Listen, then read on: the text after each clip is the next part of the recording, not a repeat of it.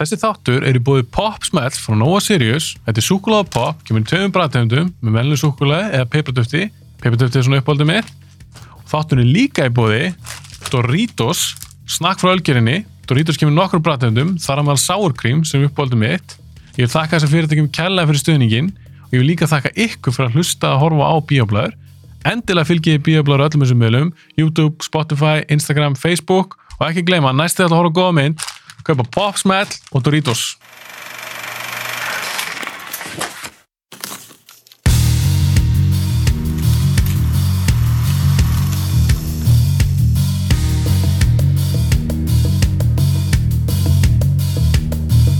Ertu ána með röddina þína? Já, almennt sko, en í dag, Ah, einmitt akkurat fyrir svona podcast þátt í mynd, Ah. þá var ég að fá hérna tanngóm, Ah. ég er í tannréttingum, ah, þannig að núna tala ég geðið astnalega. þannig ég er svona, get ég ekki segja þopp og essin mín eru geðið veitt skrítin og ég er eitthvað svona, já, já, ok, látum okkur það bara hafa og ef mér sýking í auganu, þannig ég er eitthvað svona, æ, já, já, En þú beilar ekki á mér? Nei, ég beilaði ekki. Nei. Ég ákvað að hérna uh, bara sætta mig við það. Já, Sumi dagar eru bara svona. segja bara fólkið. Ég meina, ég er hjá, frá sem er bara ekkert komist, skilur við. Nei, og líka fólki er ekkert að vera eitthvað að dæma fyrir þetta. Já, hvað erum við? Tango með þetta helvíti. Er hún með sýkingu í augunum? Hvað er hún að mæta í podcast? Er hún eitthvað, er hún eitthvað verri þessi? Er hún eitthvað skrítið? Já, En þú vinnur í útvarpi. já. Hvað ertu að gera þar?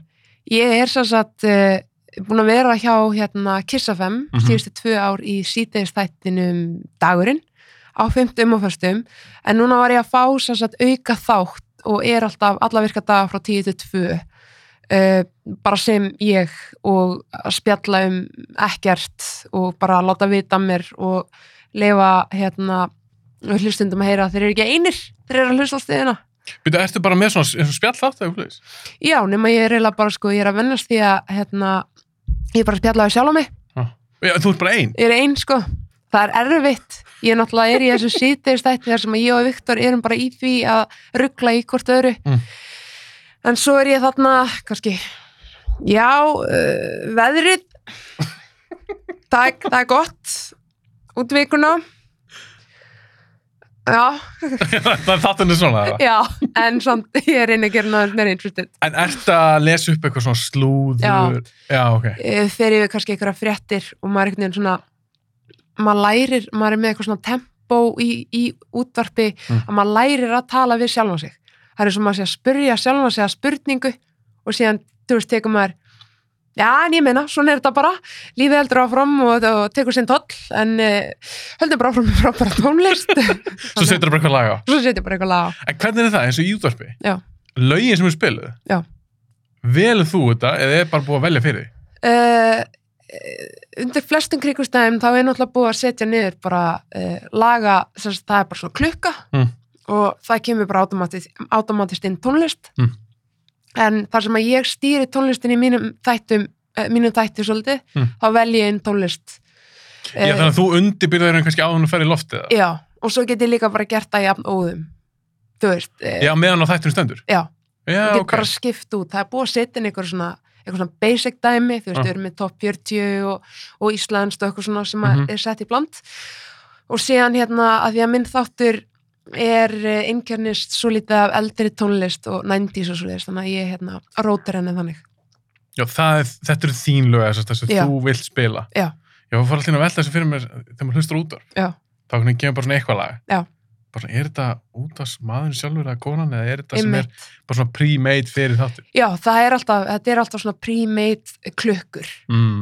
sem er bara búið að stilla upp og þar inni er, þú veist, e, e, auglýsingar alveg á förstum tíma Mm. svo eru svona sjúterar Raka Holm í bóði du, du, du. og síðan kemur lag Já, já, já, já, já. Já. Já, ok. þannig að það er svona að rinsa þannig En þannig að þú hefur svona alveg frelsikrinlega. ég hef mikið frelsi, En máttu velja hvað sem er? ég ég get alveg gert það sko innan það? skynsalega marka, ég get alveg hlusta bara á alla plötuna með Metallica með langa til En þú kannski myndir ekki gera það. nei, ég fengi kannski símtal Já. bara hvert að sé alltaf lægi Bara hvað er það að spila bara með Dalek? já, Ah. bara hvert að sé líka alltaf lægi með mig bara, Já, þú með bara þig persónulega. já, En mættur þú fara alveg, kannski ég laga með Britney Spears Já. og svo bara eitthvað hardcore rap? Já.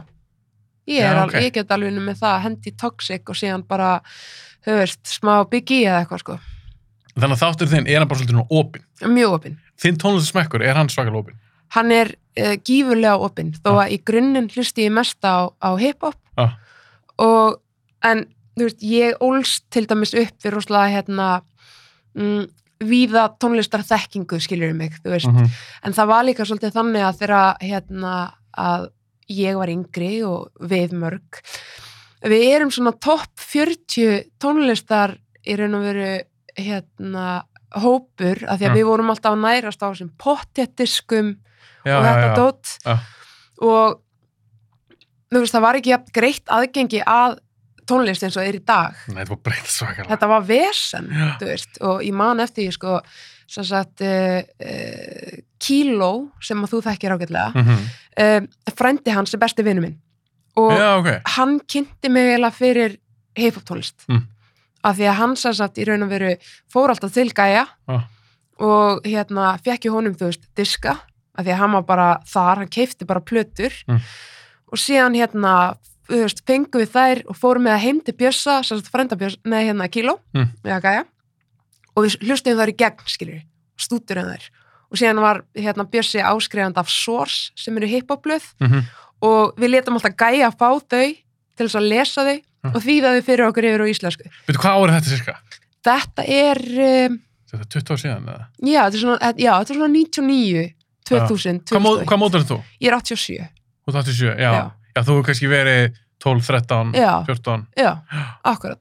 Svo finnir hvað þú búið að breyta sem að... Þetta er búið að breyta svo mikið, sko, eins og þetta, þessi, hérna, og, og að, hann var reyndar rosalega heppin, hérna, mamma sleta alltaf að fá budget Ah. til þess að fara að kaupa nýja plötu Ah. og þá voru við líka alveg bara með á hreinu bara, ok, Eminem er að fara að gefa út plötu eftir tvo daga, þá eru við að fara nýri hljómval að ná í þessa plötu Já, kaup hana. Já. Já. þannig að þetta var alveg svona þing þú veist, í dag kann maður ekki einu svona meta það þegar artisti gefur út plötu bara, já, Drake var að gefa út plötu Það er ekkert merkilegt einhvern veginn. nei, bara eitthvað, já, ertu múin að hlusta á hana að ég rúla eitthvað í gegnum hann á Spotify og maður bara bla Hvað finnst þér um eins og Spotify og þetta svona dótt? um, mér finnst þetta svona mér finnst þetta svolítið hérna, þetta er rosalega um, ör þróun Já. mér finnst þetta skemma mikið af sjarma sem að er yfir útgáfu á, á tónlist almennt Mm -hmm. um, og við erum búin að já, kannski margir og flestir eru búin að komast að því að, að Spotify í dag virka þannig að þú nærist best af því að gefa bara út singla bara Já. eitt og eitt lag Ég hef hert þetta frá tónlistunum. já, en ef þú ert að gefa út plötu Mm -hmm. þú veist þú, það er einhvern veginn sko það verður miklu minna úr efninu í þínu Þetta er svo skrítið. já, Er þetta kannski bara þetta týnist bara í einhverju hafi af tónlist eitthvað og... ég held það sko Já. og fólk einhvern veginn er hægt að setjast niður og, og hlusta á heila plötu og stútar hana, meta hana Ég er samt gera ennþá, þá ég reyndir í gegnum Spotify, en ef það er Já. eitthvað tónlistamæður eða eitthvað hljómsveit sem ég fíla, kemur ný plata, þá sitt ég á með headphone já, og ég er að rúli í gegnum hana. einmitt, það er það sem á að gera Já, en það er kannski fá sem gera þetta. Ég held að það sé rosalega sjálfgeft en náttúrulega alveg rúglega margir sem gera það en þú veist, ég held að það sé alltaf að verða minna og minna af því og ég kom alveg sjálfum mig við það að svona slæta bara í gegnum einhverja plötu bara njö, þú veist og, þú veist, maður kann ekki einu svona meta það sem maður var að hlusta á Þú veist. Nei, og artistin er búin að setja allt þetta í þessa plötu fyrir hlustendur og maður svona njö, það, er eitt, það er eitt gott lag þarna, það er núna á topp 50 listanum Það er stáðmátt alveg búast við því, þetta er einhvern veginn svona og svo kannski tónlistamæður er búin að eða því líku Já. tími að búa til þess að akkurat eitthvað geggja konsept skilur Mm -hmm. en síðan eru náttúrulega alltaf þú veist, x, á, þú veist, ákveðna plötur sem að fá náttúrulega bara aðtekli í heild en mér finnst onda meira því alveg klálega að, hérna, að fólk fái eða artistar fái svona bara eh, þá virðingu að Já. fólk hlusti á plötuna þeirra Já. einhvern veginn, gefi sér tíma til þess Eins og með uh, hanna plötu cover, svona, í gamla þetta, þá skiptir svo miklu máli að því að þú þurftur að kaupa geisladiskin já, eða plötu, já. en í dag er þetta ekki bara eitthvað svona thumbnail á Jú, Spotify. ymmit, þetta er bara eitthvað svona þú þú veist, einhverjum alveg minum um gæðum skipti engu máli eiginlega. Öllum alveg sama. öllum, er- all, öllum alveg sama en þú veist, Það er svo leiðilegt. það er leðilegt og, en mér, þú veist, mér þykir alltaf rosalega gaman þegar það er sett mikið prómo efni í kringum hverja plötu það segir mér bara í raun og veru hvað er mikið sett í hana Já. Þú veist, að sé rétt artwork, Mhm. að sé rétt brómoefni og allt þetta skilur við. Það setur rosalega mikið gæðastimpil á efnið. Það sé eitthvað svona sín og þetta Já. er eitthvað svona, eins og segja, eitthvað svona vanda, gæðistimpill. Já, já. Í staðan fyrir að sjá bara okkur tölvuskjáði í símaninum, bara svona Já. nöfn okkur um lögum. Já. Þetta er einhvern veginn, þetta er búið að missa, eins og segja, svolítið sjarman. Já, En sama gerist með bíómyndir. já, akkurat. Þetta er bara á Netflix, Já. þetta er bara á Hulu, Disney+, Plus. Já, þú ert ekki lengur að fara út á vítjulögu, þú ert nei. ekki lengur að kaupa þér DFT eða eitthvað. Those were the days. En það var það ekki svona pínu skemmtilegt. það var æði. Ég saknaði þess að fara hérna, og hafa fyrir því að fara að velja sér, bara horfa, standa og horfa á allar þessar spólur og líka einhvern veginn þegar hún var, í, þegar hún var ekki, hérna, þegar hún var útlegð, Hm. þú veist, og maður, þú veist, var að drífa sér niður þegar það aðtökur, maður myndi ekki ná henni, bara ég er búið að skilinni, þú veist, mér, mér langar svo að leiða hana, bara já, það, það á að vera búið að skilinni fyrir klukkan átta, hún ætti að vera að detta í hús og maður svona beið, þú veist, ég er spenntur, þú veist, Ég sakna þess reyndur ekki. nei, mér, þetta, þú veist, þetta var svona, þú veist, þetta var allt einhver svona þing, þetta var svona ferli í öllum þessum hlutum, skilur við. Af því Þeir fengu kannski bara tíu stykki okkur nýri mynd, Já, svo voru bara allar út í útlögu. Já. Þú kannst ekkit fara og horta á hana. nei, Þetta er pínu grilla. þetta er grilla, sko, þetta er, þetta er svo fjarrri því sem það er í dag, pælti ég að geti bara x margir hort á myndinu á Netflix. Já, bara, þú getur, það eru 50 manns að horfa á hana, þú Já. getur ekki að horfa núna. Nei, hún er, hún er útlegð. Mér að ungir krakkar í dag, Já. þeir alltaf kannast ekki við þetta. Nei, Þetta var oft höfverkur. þetta var, þetta var, þetta var svaka dæmi, sko. og hérna, þetta var alveg, þetta var mega, maður kannski, maður langaði að leia nýju, hérna, ég veit það ekki, bara Batman-myndina og fjart ekki að sjá hana fyrir um fimm ykkur setna þegar hún var loksins komin inn í búlun aftur, þú veist, allir búin að vera með Allt hann leik. bara með að leik. Svona orðin grút rispu svo ferða hana bara við talum ekki um, þetta voru spólur að Já, trekja hana og eitthvað. við vorum að lenda í þessu. Já. Þetta er bara krakkar í dag, þeir bara veit ekki hvað hafa það gott. trekkja spólu, þau er alveg bara sko, ef Og blási töluleiki, varst ekki því jú, eða? jú, jú, jú, alveg, Nintendo eða Sega Já. leiki eða eitthvað. alveg bara, þetta var allt svona sko, og náttúrulega bara, þú veist, pússadiskana og plötta, þú veist, Já, þú veist, það er það kannski sem er núna, nema þetta er náttúrulega hvað allt orðið, bara á okkurum minnisköpum í Playstation 12-unum eða óttu er, en það er rosa þægilegt, þú veist, maður er bara með síma það er það sko, og hérna í þessu síma, já, þá er ég bara með næstu bara alla tónlist sem hefur búin til. já, akkurat, og, og fullt af hérna bíómyndum, Já, þetta er bara í Netflix, vasar, allt er bara- já, bara í vasar mín. Já, eitthvað, og þú veist, eitthvað geðvikt, eitthvað svona, maður er ekki, maður er ekki eftir, van, eða, mér finnst þetta svona vannþaklæti, maður svona, maður kann, þú veist, maður, mér finnst maður þurfa að læra að meta þetta meira, hvað þú ert með af gögnum á þér. Já, og líka bara, þú veist, ég get spurt það hver sem er núna, Já, þú getur svarað því innan ákveðna bara sekundna Já. með því að googla. bara alveg gjörsalega, sko. Það var ekkert hægt fyrir 20 ára síðan. Nei, þú þurfti bara, þú veist, flett upp alfræð orðabók og komast í, eh, þú veist, heimsfrétta til að geta leitað að einhverjum upplýsingum, Já, skilurðu mig. þetta var, þetta var, þetta var áhugavert. Þetta var áhugavert, Já, en það er svona, þetta er kostar ekki alla sem fylgja allu, algjörlega. en þetta er svona vist þægindi sem fylgja Spotify og Net, Netflix Já. og þú ert ekki að vera með þessu, ég ætti heima því ég er sem ekki nörd. Já. Ég er bara um heila vegg, bara vít, vítaspólur, Já. DFD. Ég var líka í því, sko. Varstu þú líka þig? Já, ég sapnaði líka alltaf serjum, sko. Já, ég vel ekki Þú því. veist, og ég var alltaf svona deng fyrir mig að eiga þetta alltaf til Já. á disk, þú veist, touchable skilur ég. Já, Já. er, ertu alveg hægt í öllu sluðis?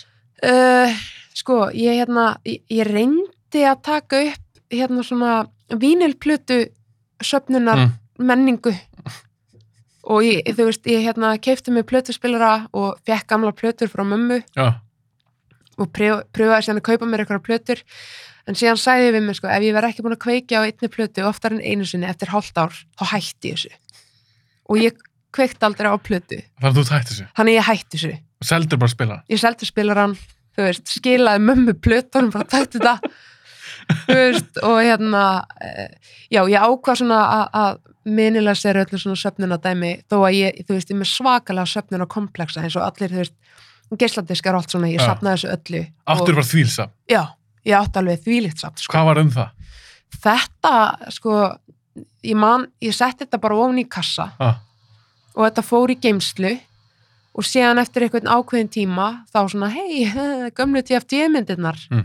þú veist eitthvað, ok, setti þetta aftur ofan í kassa, skilur, ah, og síðan, þú veist, fimm árum aftur bara hei, eh, gömlu DFD-myndin það er eitthvað svona, Ekkert búið að gerast í fimm ár. ekkert búið að gera því fimm ár Mm. Nei. skilur. og búin að horfa á þetta allt aftur ykkur starf, allt annar starf heldur en á þessum diskum Ah. þá endaði þetta með því að ég held ég að bara gefið þetta Já, var eitthvað sem vildi þetta? mér bara, þú veist, hirðirinn eða eitthvað Já, þú náði því. já, það er alveg ennþá að það bara þangar ná sér í spólir og eitthvað sko Ég fór um með mitt á haugana. já, Mi- Ég tók góðastafið, já, gaman pappa, Já. fyrir með upp í bústa, það er Já, þetta ég spilar þar og svona. já En restin fórum bara á haugana mm og ég talaði við eitthvað gæja þar. Já. Hann sagði bara, herri, herri, ekki, tekur ekki lengur við þessu. já, það, Þannig að Þetta fór bara ykkur að pressu og einmitt þetta er bara orðið rust. röst, pældi því Það er rosalega skrítið. allt þetta stöf Já. þetta dót sem búið að gera er bara röst Og hvað heldur þú er eitt í diska og DFD og... ég er bara, það er svo mikill peningur sko Ég Þetta er rauglega ykkur miljónir. Já, definitely. Já. Og hérna, jú, ok, ég á hérna að það er allra heilaðasta, se- þú veist, ég á ennþá geisladiska sem eru það allra heilaðasta sem ég á. Já. Þú veist, ég á það til heima, ennþá, niðri í kassa.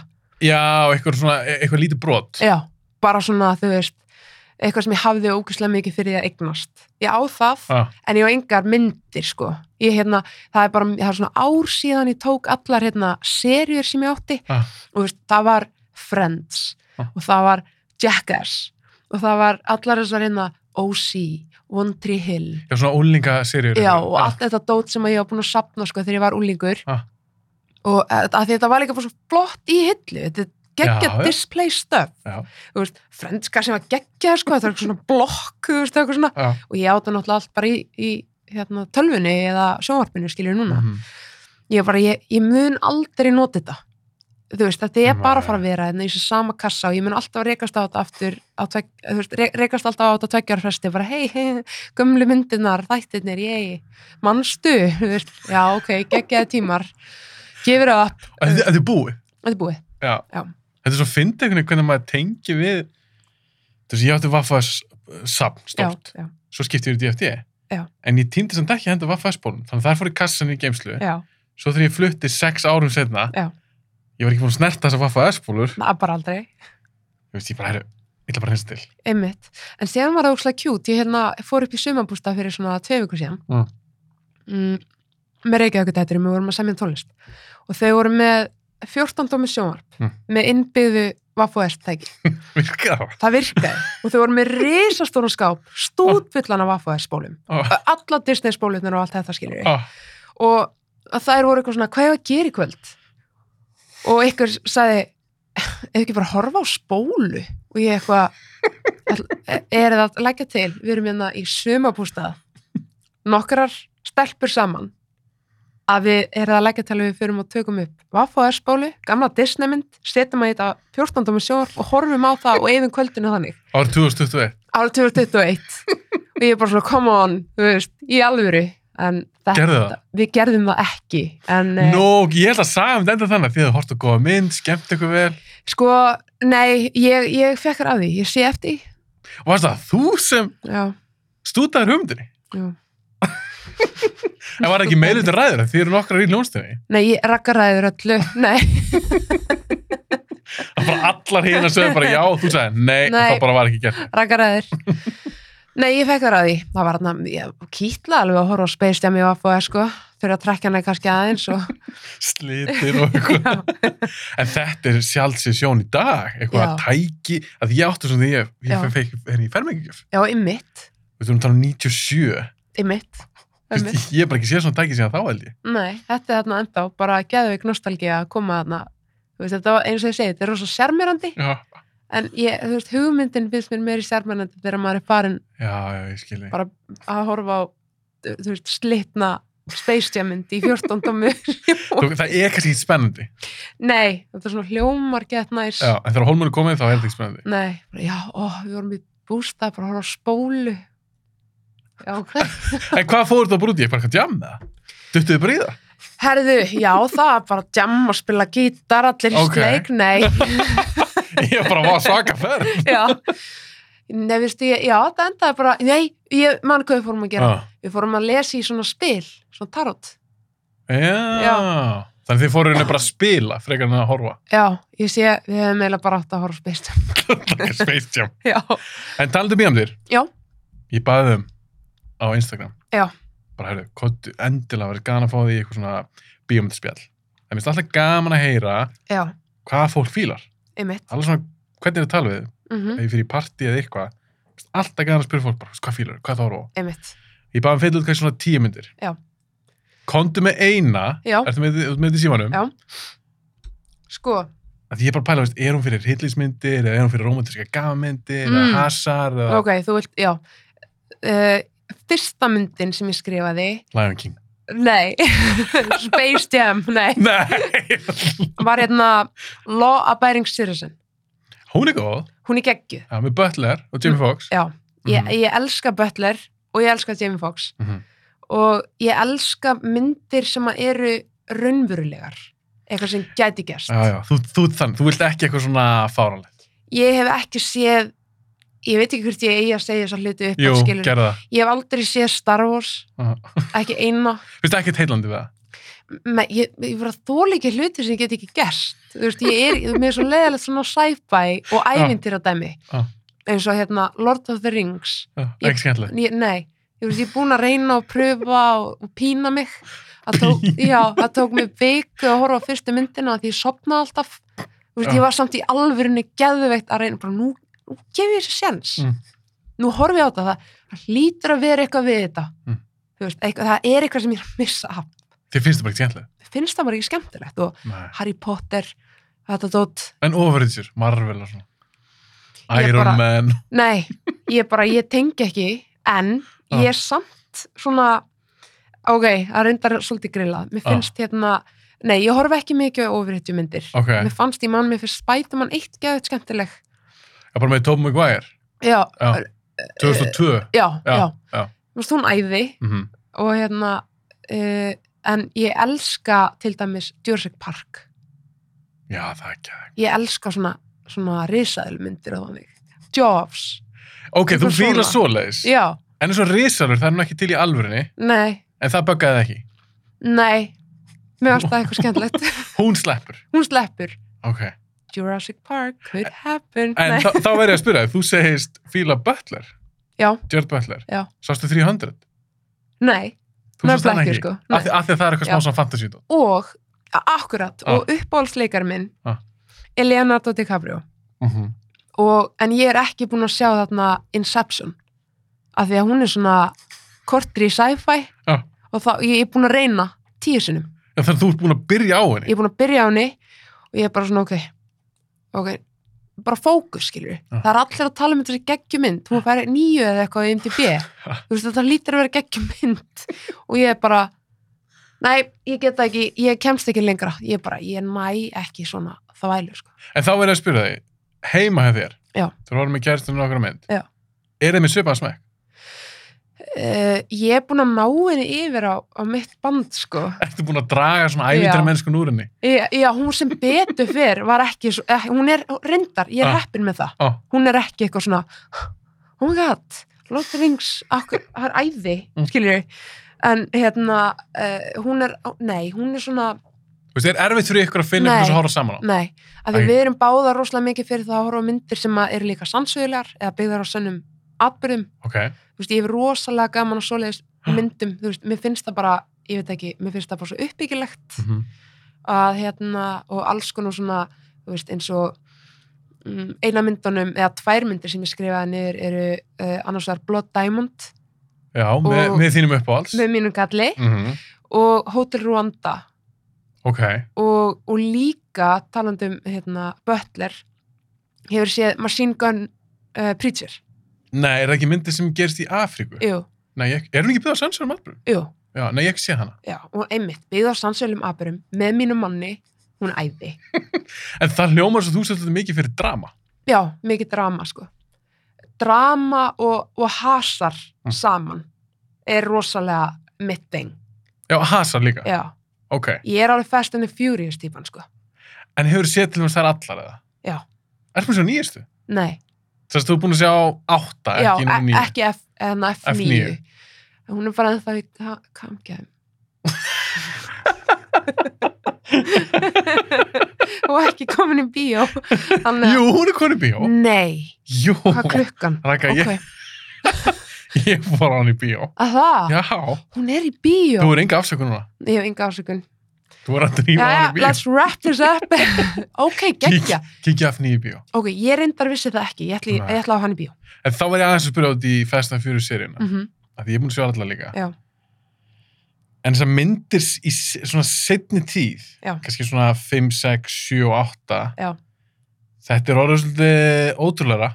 Já, þetta er orðið svolítið, svolítið mikið órumverulegt dæmi. Þannig að þá er ég mjög spenntur að spyrja manneski sem ég er kannski ekki svakalega hrifin af því. Mm Hvað, hvernig finnst þér þessi seri hafa þróast? Það byrjaði sem bara eitthvað svona Já. götu, eitthvað svona racing, Akkurat. eitthvað. Svo mm. Mhm. núna er bara svona eitthvað James Bond eða Já. Mission Impossible myndir eða eitthvað. Bara, já, ymmit, bara eitthvað svona hoppandi á milli bíla í 300 metra hæð Já. af byggingu sem er að springa og rokk bara, ha, þú veist.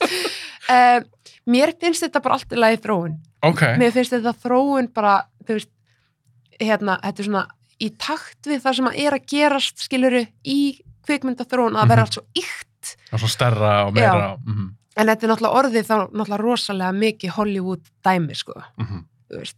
En ég get alveg hleyja þessum atriðum. Já, þú tekur þetta ekkert á alveg. Nei, En finnst þetta skemmtilegt? mér finnst það skemmtilegt. Ok. Þú veist, mér finnst gaman að sjá rock, hérna, hopp út úr bíl og ferð í slow motion og hérna, og hann hérna Vin Vin Diesel og Diesel. þeir eitthvað "Ah", krýpast í hendur en hitt, þú veist, missa takið en lenda samt báir eitthvað, þú veist, þetta er eitthvað svona, þú veist, ég bíla, ég bíla. En saknar þess hvernig það var í fyrstu myndunum? Það var svona kannski aðeins meira grounded. Uh, Þú veist, viltu fyrir eitthvað bara svona bíla, kappakstur? Nei, það var ekki, ég, ég heitlaðis bara einhvern veginn að söguþræðinum Ok. og Ah. fólkinu og karakterunum Já. og ég náttúrulega var miður mín þegar hann dó Já, Paul Walker. ég sko, Það ég, er reygalegt. já þegar ég horfði á loka atriðið þarna Uh -huh. "I'll see you again, þú veist þarna Í lagið. nummi sjö. já, Já. ég bara, þú veist og Fórstu að gráta? ég, fór ég að gráta, ég var bara já, hann er fór það skilur, og síðan Já. voru svona, þetta voru svona ég fór hann í bíó Já. fullu salur á einhverjum impressu gaurum skilur, og þeir bara eitthvað já, eitthvað hérna í loftinu Hvað það er reyk? eitthvað í loftinu sko Þú veist, þetta var alveg svona end of an era, dæmi Þetta var mjög sorglegt. já, Líka því hann dóna alltaf í, hann var að keira. Var hann ekki að keira fyrir einhvern farþi? e, í, í, Klesta trí eða eitthvað? Jú, ég held hann að, eh, man ekki hvort það var, en svo, hérna, voru að sarkjæðsum það er, sko.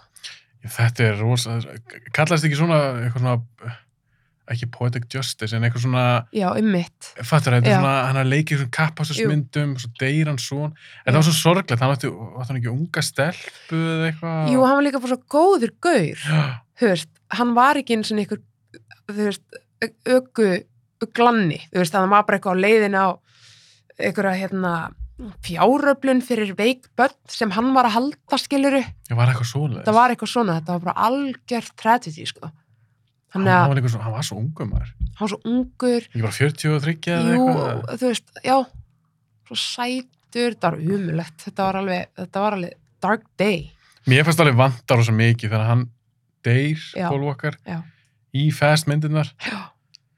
Hann var svo stór partur af þeim. hann var það sko, Já. það var svona eitthvað, eitthvað smá sem að svona, eitthvað smá tött sem að fór sko, Mhm. hann var stór partur af þessu, en ég fylgdist líka rosalega vel með því náttúrulega eh, hvað bróðir hans, eða bræðir hans Já, ég held að það er tvo bræður. ég held að þeir hafi báðir leikið restina af myndinni, Já, ég hjálpuði til við að klára hana. já Já. og ég var sko ég sko, þú veist, pásaði atriðin til þess að sjá í raun og vera því að það er náttúrulega búið að breyta þeim í Mhm. hann og þetta er magnað þú veist, það er bara eins og hann sé þarna Mhm. út myndina, en hann er bara dáin Já. það er einhver annar leikan, þetta er magnað Hvað finnst þér um þegar þeir hafast að vera tölvugjara? já, eða yngja leikar eða eitthvað svona. einmitt, Er þetta ekki svolítið skriðið? óþarfi sko Er það ekki? Jú.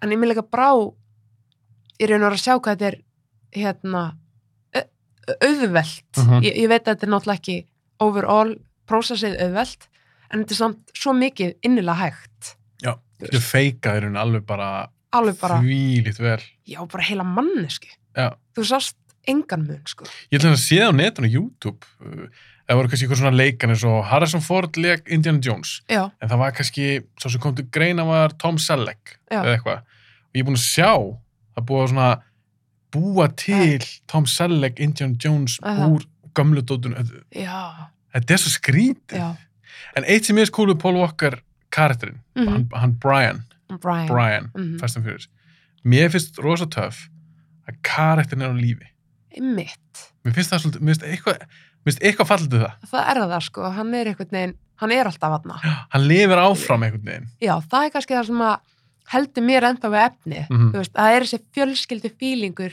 mm. í þessari mynd, þú veist, þetta er bara don't turn your back on family þú veist, Vin Diesel bara, ok alltaf þetta family já, dot svaka mikið en það lítur um þú sem segir, það lítur á eitthvað við þessar myndir, annað en bara einhver, einhver bíla hasratri sem Já. heldur fólki við efnið algjörlega, að því við erum ennþá að fara á þessar myndir Já. og númið nýju Já. og hann er að koma út bara um daginn einmitt þetta er sko, kom ekki fyrsta myndin út bara 2001 Jú. þetta er 20 ára gamalt, 20 ára gamall einmitt og svo horfði ég á, ég tók sirpu um daginn já, ég reyndar, já, það er svolítið síðan COVID var alveg upp á sitt besta þá já kannski verið réttur um ára síðan já, Já.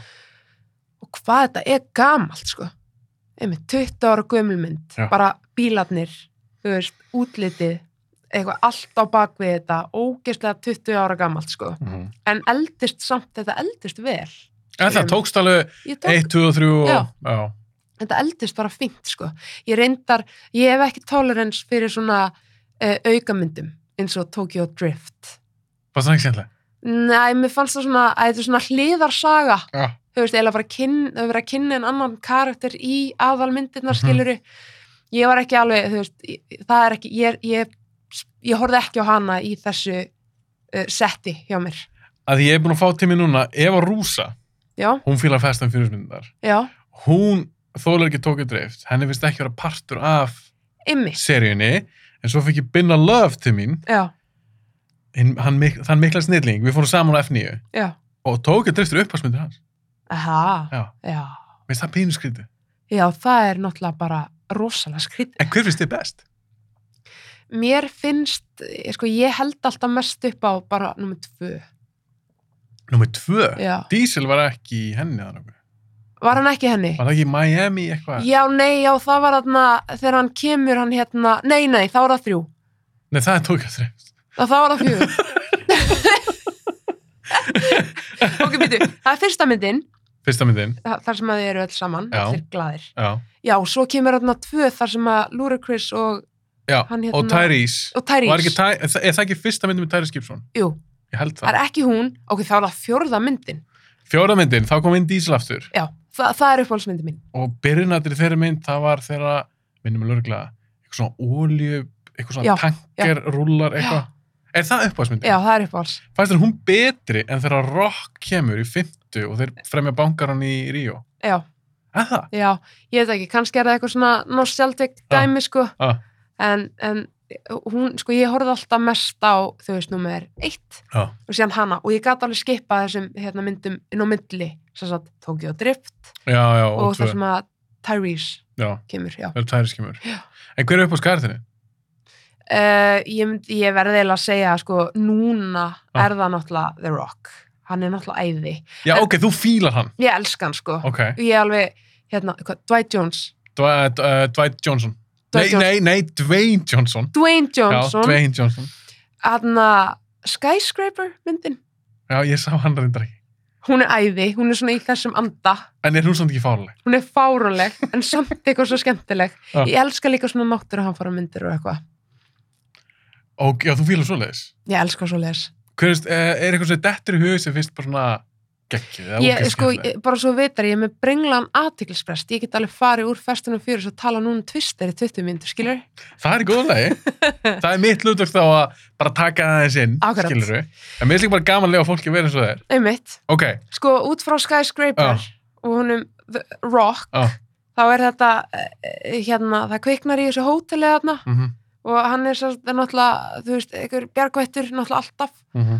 um, eh, sem myndi mig þá í raun og veru þá að ég elska náttúruhamfaramyndir Já. Ok, já, þe- þetta er allt í lagi tenging. já, Þetta er ekkert fáraleg. nei, Þú fórst ekki yfir í hryllismyndir? nei Ok, hamfara myndir. hamfaramyndir, Ok, hvað hva myndir félur sem eru þannig? hérna hefur séð The Wave Nei, hún er ég, sko norsk, já, ég hef ekki sé hún er, er hún ekki eitthvað, er ég kannski að segja eitthvað kjátt, er hún ekki bjóðs aðeins hana? nei hún er sönn sko. Já, er það ekki? Já. Ég hef ekki séð hana. hún er rosaleg Ah, og hérna, þú veist, ég er alveg Armageddon skilur og Twister Ah. ég tók þessar s- sirpur þarna, uh, í COVID, ég tók alls konar sirpur ah, tók alveg, þú veist, náttúranfara myndirnar ah. og þú veist, ég tók Jaws-safnið og þú veist þetta og þetta og svo, ég veit ekki að tala um svo sko. Býðum En- aðeins með það, ég, ætla Já. samt að, ég vil aðeins ræða það við, við Já. þig og eftir. En ok, þú tekur þessar hanfarmyndir. uh, Twister, hvernig er hún eldast? mér finnst hún eldast ekki droslega vel sko.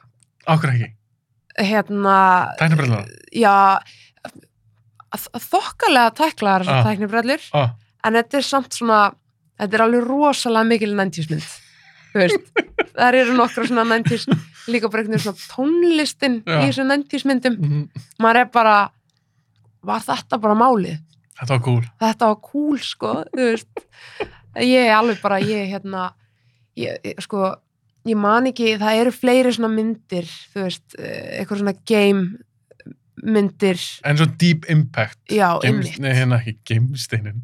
Uh, hérna, Lofstinni kemur, já, Morgan Freeman eitthvað fósettan. já hún er æði Mér finnst hún ennþá góð. Og hún, hún er bleið, ég horfði á hann um daginn hún eldist vel Mér finnst það. já, Mér finnst hún eitthvað svona einna best af þessum myndum. já það getur verið Ef hún er betur en Armageddon. já, það Er er, það ekki? náttúrulega bara það er náttúrulega bara hérna einhvers konar þú veist, já, það er eiginlega bara það er rosa mikil ástardrama mynd En ég hef ekki séð Armageddon örugglega bara 20 ára eða eitthvað. já Hvernig eldist hún? hún eh, sko eldist þannig að hún er svona, hún er enda rosalega eh, manni, manni, hún er væmnari núna en manni fannst hún fyrir 20 árum skilur mig, maður er bara okkur, já ok, þetta er bara okkur ástarmynd, Já, þetta er eiginlega ekkert það snýst ekkert um annað en bara harmleik og ást, var þetta ekki Ben Affleck sem var Jú. skotin í Liv Tyler? Æ, Jú. Sem var dóttir Bruce Willis. já Já. og hann náttúrulega fórnar sér þarna fyrir heiminn þú veist, En Eh, var það ekki Bruce Willis sem fórnaði sér? jú Já, og, einmitt. og hérna og hún eitthvað að horfa á það live eitthvað þú veist, þetta er alveg svona megadrama sko, og hann náttúrulega þoldi ekki banna flika því að hann Nei. var að deyta dótturina, en þeir eitthvað svona þú veist, eitthvað, þetta er eitthvað svona þetta er rosa væmir mynd, Það er rosa svæmi. miklu meira heldur en þú veist, þetta á að vera svona hasarmynd skilur Já. en Voru þetta þetta ekki eitthvað svona ólju, jú, borpalla, gaurar, eitthvað jú, sem sem voru fengið þess að fara á eitthvað lofstein og einmitt til þess að bóra sig inn í hann og setja ykkur að sprengju eða eitthvað svona, þú veist, þetta alveg er svo beyond heimskulega. þetta er það sko, þetta er alveg this could never happen en En þú samt fíla, ég meðist það skemmtilegt þau er samt skemmt það. já, af því að e, þú veist, in the, in the long run Já, gæti þetta alveg verið eitthvað sem gæti gerst, komið eitthvað lofstinn en gæti ég ekki sagt það saman um Star Wars? Eftir þúsund ár þá... Ekki, um, þú ert ekki til að kaupa það. Um, Geislasverð og...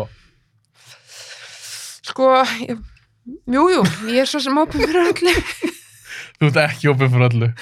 nei, ég þóli ekki geimin Nei, með game myndir, as in Star Trek, Star Wars en þið Eitthvað finnst, svona. það- þið finnst það ekki skemmtilegt. Æ, get, Ok, ég bara en ég verð að- get ekki Hamfarmyndir, ég verð að spyrja út í hana. Já. 2012, svo stað hana. Já. Að það er bara eðlaðan bara eiginlega allan heiminn. Leikur. það var rosalegt Hvernig þetta er hún? Mér finnst þú skemmtileg. Já. Ég er náttúrulega vissi ekkert hvernig þetta ætlaði að enda. En ég fæ alltaf, ég veit ekki hvert að ég fá eitthvað út úr þessu, en ég fæ Mm. alltaf gett svona, gett svona, mm, ég verð ekki það eitt kvíðin. Bara hvernig ætlaði að höndla þetta og hvernig ætlaði að byggja upp jörðina á ný og þú veist, alveg hérna. Já, þú sko. lifið svona inn í þetta. Alveg rosalega, sko. Þú veist, mér fannst ég bara að vera með þeim aðna upp í geim að bóra gata án á stein, sko. Já. Því ég var bara með þeim í þessu. En það er samt, það er kostur. Já, En mér finnst það. Við Já. mynd, ef hún nærið það vel, já. að þú bara sekkur inn í hana. það er kannski það sem þetta gerir þetta raunverulega dót ég lifi mig svolítið inn í Já, ég skil. Inn í Þú ert momentið. auðveldra með að lifa inn í það. já, Já. ég sé mig ekki alveg fyrir mér með geislasverð bak við hans sól og eitthvað ok buddy, I got you En ok, enn eins og mynd, til dæmis eins og Seven. já, hún er æði Þú veist, Ég bara taka bara eitthvað dæmi. já, Það gæti alveg skeið. Já. Þú veist, það er mynd sem þú fílar. hún geðvik Ok, en hún er alveg frekar ógeðsleg. hún er mjög ógæslega, ég elska ógæslega myndir sko Eins og til dæmis svo. eins og svo, Ó. það er bara by far, ég, veist, ég, ég kann ekki að kalla þetta hryllingsmynd Á, þú veist, þetta er einhvern veginn svona það munur á hérna hryllingsmynd og einhverjum ógeðismyndum fyrir mér hryllingsmyndir eru conjuring og eitthvað Já, já, mennur þau eins og svo, þú kannski verður ekki trætt að horfa á þær, nei, eins og bara skemmtileg. já, ég fæ svona, þetta er svona adrenalín dæmi, Já, það. já, ég verð, ef því ég er svo spennt Ah, og þú veist, þetta er alltaf tíma og eitthvað og ég, þú veist, þeir eru að gera þrautinnar og Ja, þetta ja. og ég er bara, þú veist og fæ alveg svona, lokast ef ég er að horfa á hræðilega myndir, ah. lokast fyrir eitthvað svona í hálsinum að mér Ja. og ég missi svona andan og ég fæ eitthvað út úr þessu, sko ég bara, veist- Sjálfspinn. já, eða eitthvað pínu svo leið, sko En þú tókst alla sómyndunar. Úff, já, Tó... Tókst þú alveg bara svona back to back bara á einni Já. viku eða eitthvað. já, bara bara dag, eða þú veist, ég horfði held ég samt alveg á tvær og einu kvöldi, sko Já. en ég man ekki að nummer hvað Mm. ég man ekki hvað mynd hvað sómynda er þar sem þetta er orðið komið í, í 3D Já. sem er bara þvæla sko. ég held ég hef ekki klárað hana sko. ég segi ok, nú, nú, nú er ég bara að segja stopp Hún var líka léleg og svo. ræðilega Hún var sko. hræðileg. já, er hana, hvað, 1, 2 og 3 Mm. sem eru góðar Það er alveg fínar. þær eru bara, þetta er svo þetta er ógeðslega f- skemmtilegur söguþráður Mm -hmm. skilur ég, Já. og þetta er raunverulegt, það Já. er í alveg ykkur sem að gæti alveg gert þetta ógeðslega tvistet, bitur, reyður maður Satisti. já, Já. þú veist, en síðan var þetta að koma út í eitthvað kjaftaði, náttúrulega þarna, uh, náttúrulega engunin lækkaði alltaf skilur ég með, með sko þú veist, því nýrið sem myndin var Mm -hmm. mér er svo leðilegt er að taka svona góða myndir og, og skemma konseptið með því að reyna að Bara mjólki það. mjólkið það og gera svo í 3D svo þú fáir örugglega svona, svona blóðsplettur svona, Hvað framan í. já, en þú veist svo er ég, eiginlega- ég hef farið á svona 3D myndir og mér finnst það svo óþægilegt Já. og ég tek alltaf niður glerun En þá sér þetta bara svona blurry. já og þá er þetta bara gett umilegt og ég er bara, hvað, af hverju erum við hérna þetta er ógeðslega asnalegt koncept getum við bara barið, En 3D-dótið er eiginlega búið. já, sem betur fyrr Já, fólk var ekki alveg að kaupa það. Nei, og er ekki líka þetta, þetta var náttúrulega hægt að fá þetta í sjónvarpinu sínu eða þetta ekki líka Jú, jú, jú, jú, jú, það var hægt. Búið. Ég kefti mitt svolítið sjónar og fylgdu gleru með. Já, þessi appi svona gullu Nei, það var reyndar, ég, þetta var svona svona svört sólgleru. Já, ok, ok, það hefur verið Aðeins meira töff. aðeins meira töff, já Maður ó- maður var í dykkilegs heima á sér einhverju sjónvars chili með einhverjum fjórum, bara eitthvað með einhverju gleru, pókis læknalegur En eins og Avatar, Já, herri, ég hvar, sá hvar fellur hún? ég sá Avatar, Ok, er, er fellur til hún, ein þetta er legin, Þetta er fell, legin. fellur hún Star Wars megin mm, eða er þetta meira svona Fast and Furious megin? Mér fannst hún góð, Ok, þú fýlar hana? ég fílaði hana Ok, þannig að hérna, það er svona pjúra game ævintýra mynda ykkur. algjörlega ég Ekki raunveruleg. alls ekki raunverulegt, bara alveg núl En það er samt það slappið þar. já það slapp, mér, þú veist, allavega sé ekki bara því að mér fannst sögur þar árin skemmtilegur skilur, Já. mér fannst pælingin góð, Mm -hmm. um, já ég fór á hann í bíó, en þú veist ég er alveg sem að ég hef verið dregin á hann í bíó en, en hann vildi svo skemmtilega til að mér fannst þú bara skemmtileg, Já, þannig að það, í þetta skipti slapp það. já En ætlar að sjá tvö þegar hún kemur loksis. já, veist, að því að ég get alveg hérna, ímynda mér að horfa þá aftur á eitt skilur, Já. taka bara gott movie night Ah. og horta tvö sko, ég held að ég var alveg til í það Þannig að þú er kannski opnar fyrir tvö heldur hún varst kannski fyrir einn. já Ok. þetta er allavega svona skref í áttina að einhverju en til dæmis þú veist um, hérna já almennt með svona sci-fi dæmi og allt að það ég bara, einhvern veginn, ég, ég festist ekki yfir því ég er, Nei. ég er alltaf svo hérna að ég vil ekki ekki vera þessi hérna uh, gl- glætan að þetta gæti gert Þú veist, einhver hérna skilur ég þú Þannig veist. að þú sleppir frekar horfa þær. já, Já, ég skilji. þú veist, af því að þá er ég fyrstulega orðin leðilegu félagskapur Mm -hmm. og ekki horfi ég að það er ein skilur við, Nei, nei, nei, það er einhvern veginn svona eh, ég er ekki einhvern veginn í múti fyrir það nei. múti að horfa á starfsafni ein, En það sem ég er svo æðislega skemmt við þetta podcast, ég heit alls konar fólk, um daginn kom til mér rappari, Jói Dagur, já, hann elskar allt sem er óraumulegt. já, ymmit Þú veist, Hann er svona andstæðan við þig. já, Það er svona svo gaman að hlusta mitt á ymmit, þínar uppbóðsmyndir. já En ok, þú varst að tala um sannsjólamyndir, Já. svona drama, mm en eins og mynd eins og Shawshank Redemption. hún er náttúrulega mjög góð Já, þú flýtir á einmitt fíla hana. já, hún er mjög góð, sko Mhm. uh, hún er náttúrulega he- ég meina, er hún ekki bara þú veist, í einhvers konar kategóri hjá öllum, er einhver sem fílar ekki sjá sjá, er það til Ég hef ekki hitt á mannsku, Nei. alveg sem hvað manneskan er gömul já, það er bara svo vel skrifu mynd sko. góð saga maður, og hún er svo flott og og falleg saga sko, eldist hrikalega vel ekkert smá einmitt, hvað er hún um gömul? hún er hvað 94 einmitt, og það, hún hefði alveg skeitt að vera gerð bara fyrir fimm árum, Já. skilur mig Já. og þeir einhvern veginn einhvern veginn hafa líka elst vel þessi leikarar Já. bæði hann hérna Tim Robbins og Morgan Freeman já, Já. minnst Morgan Freeman einhvern veginn alltaf eins hann er svona aðeins eh, hann er aðeins svona eldarskallin aðeins eldri, sko hann er svo flottur já, mér finnst hann bara alltaf on point, sko þannig að, jú, það er mjög góð mynd mm ég, hérna, en hún líka hún er líka alveg it could happen, skilur mig já, ég meina að það er ekkit Raunveruleg. órumrunum minn Nei. falla bara mann sem fyrir fangilsi og svo bara reynir hann að brjótast úr fangilsinu akkurat, en ég hef horfið aftur á hann fyrir ekkert svo löngu síðan já Heyrðu, ég- það var svolítið síðan ég síðan Já. hana horfði hann í kærustunni og ég hef ekki um það fúslega núna þó ég sem búin að sjá hann alveg miljónsunum Já.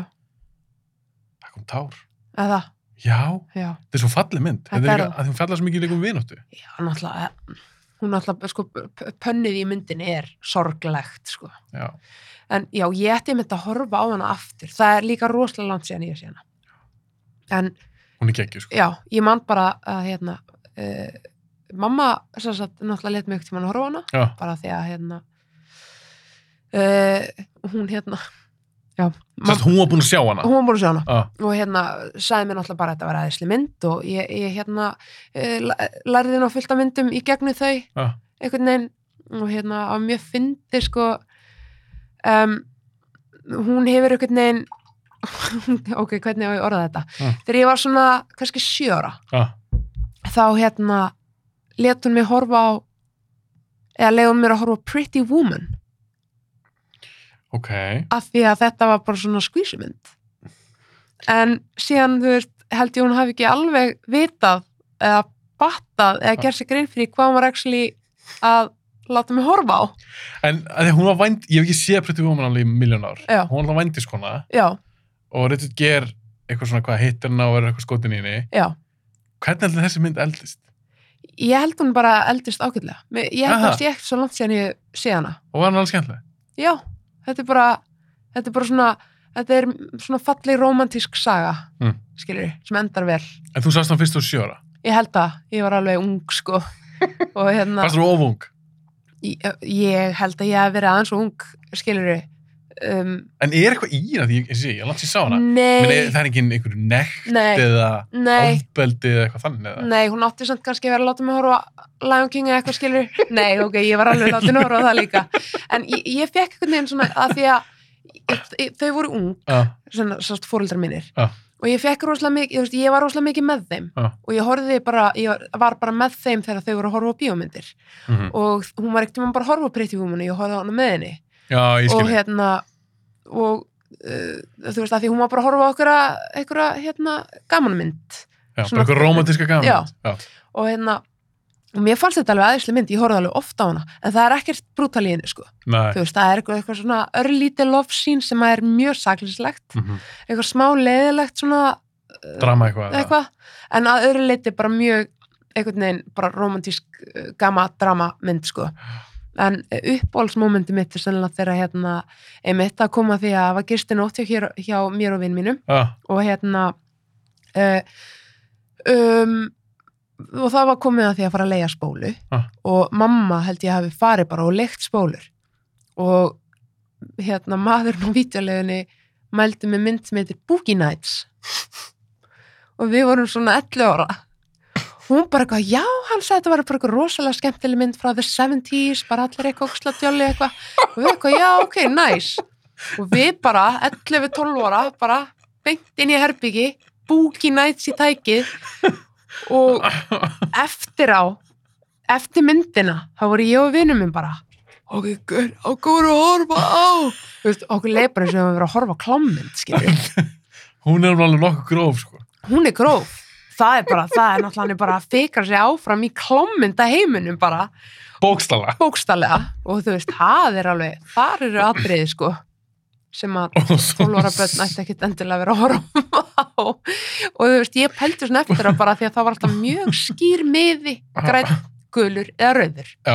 og þetta var bara rauður miði, já, já, já, banan 16 bananum 16 mm og ég held hún hafi bara einhvern veginn glemt að pæla í þetta, það var bara svona tjöli mynd einhvern svona, einhvern svona hérna, grínmynd frá the 70s skilur eitthvað, þú veist, náttúrulega á einhverjum skala grínmynd vissulega fyrir fullorðið fólk Já, menn það er alveg, það er fyndin aðri í henni Já. fyrir, eins og segir, fyrir fullar fólk. fullorðið fólk, já, Af því Það er í þessari mynd, þá er alltaf nekt, kynlíf, klámbransinn, já, það er dópnesla, já eh, mikið, það er einn karakter hana, eldri maður sem er barnanýðingur. einmitt Þannig að það er svona, mm, kannski ekki fyrsta myndi sem hann sýnur 11 ára. Nei, en það var alveg sko, þetta var svo absúrt moment og við vorum bara að tala um, um, um þetta um daginn að rifja þetta upp sko, af því að ég held við hefum ekkert sagt henni frá þessu strax sko.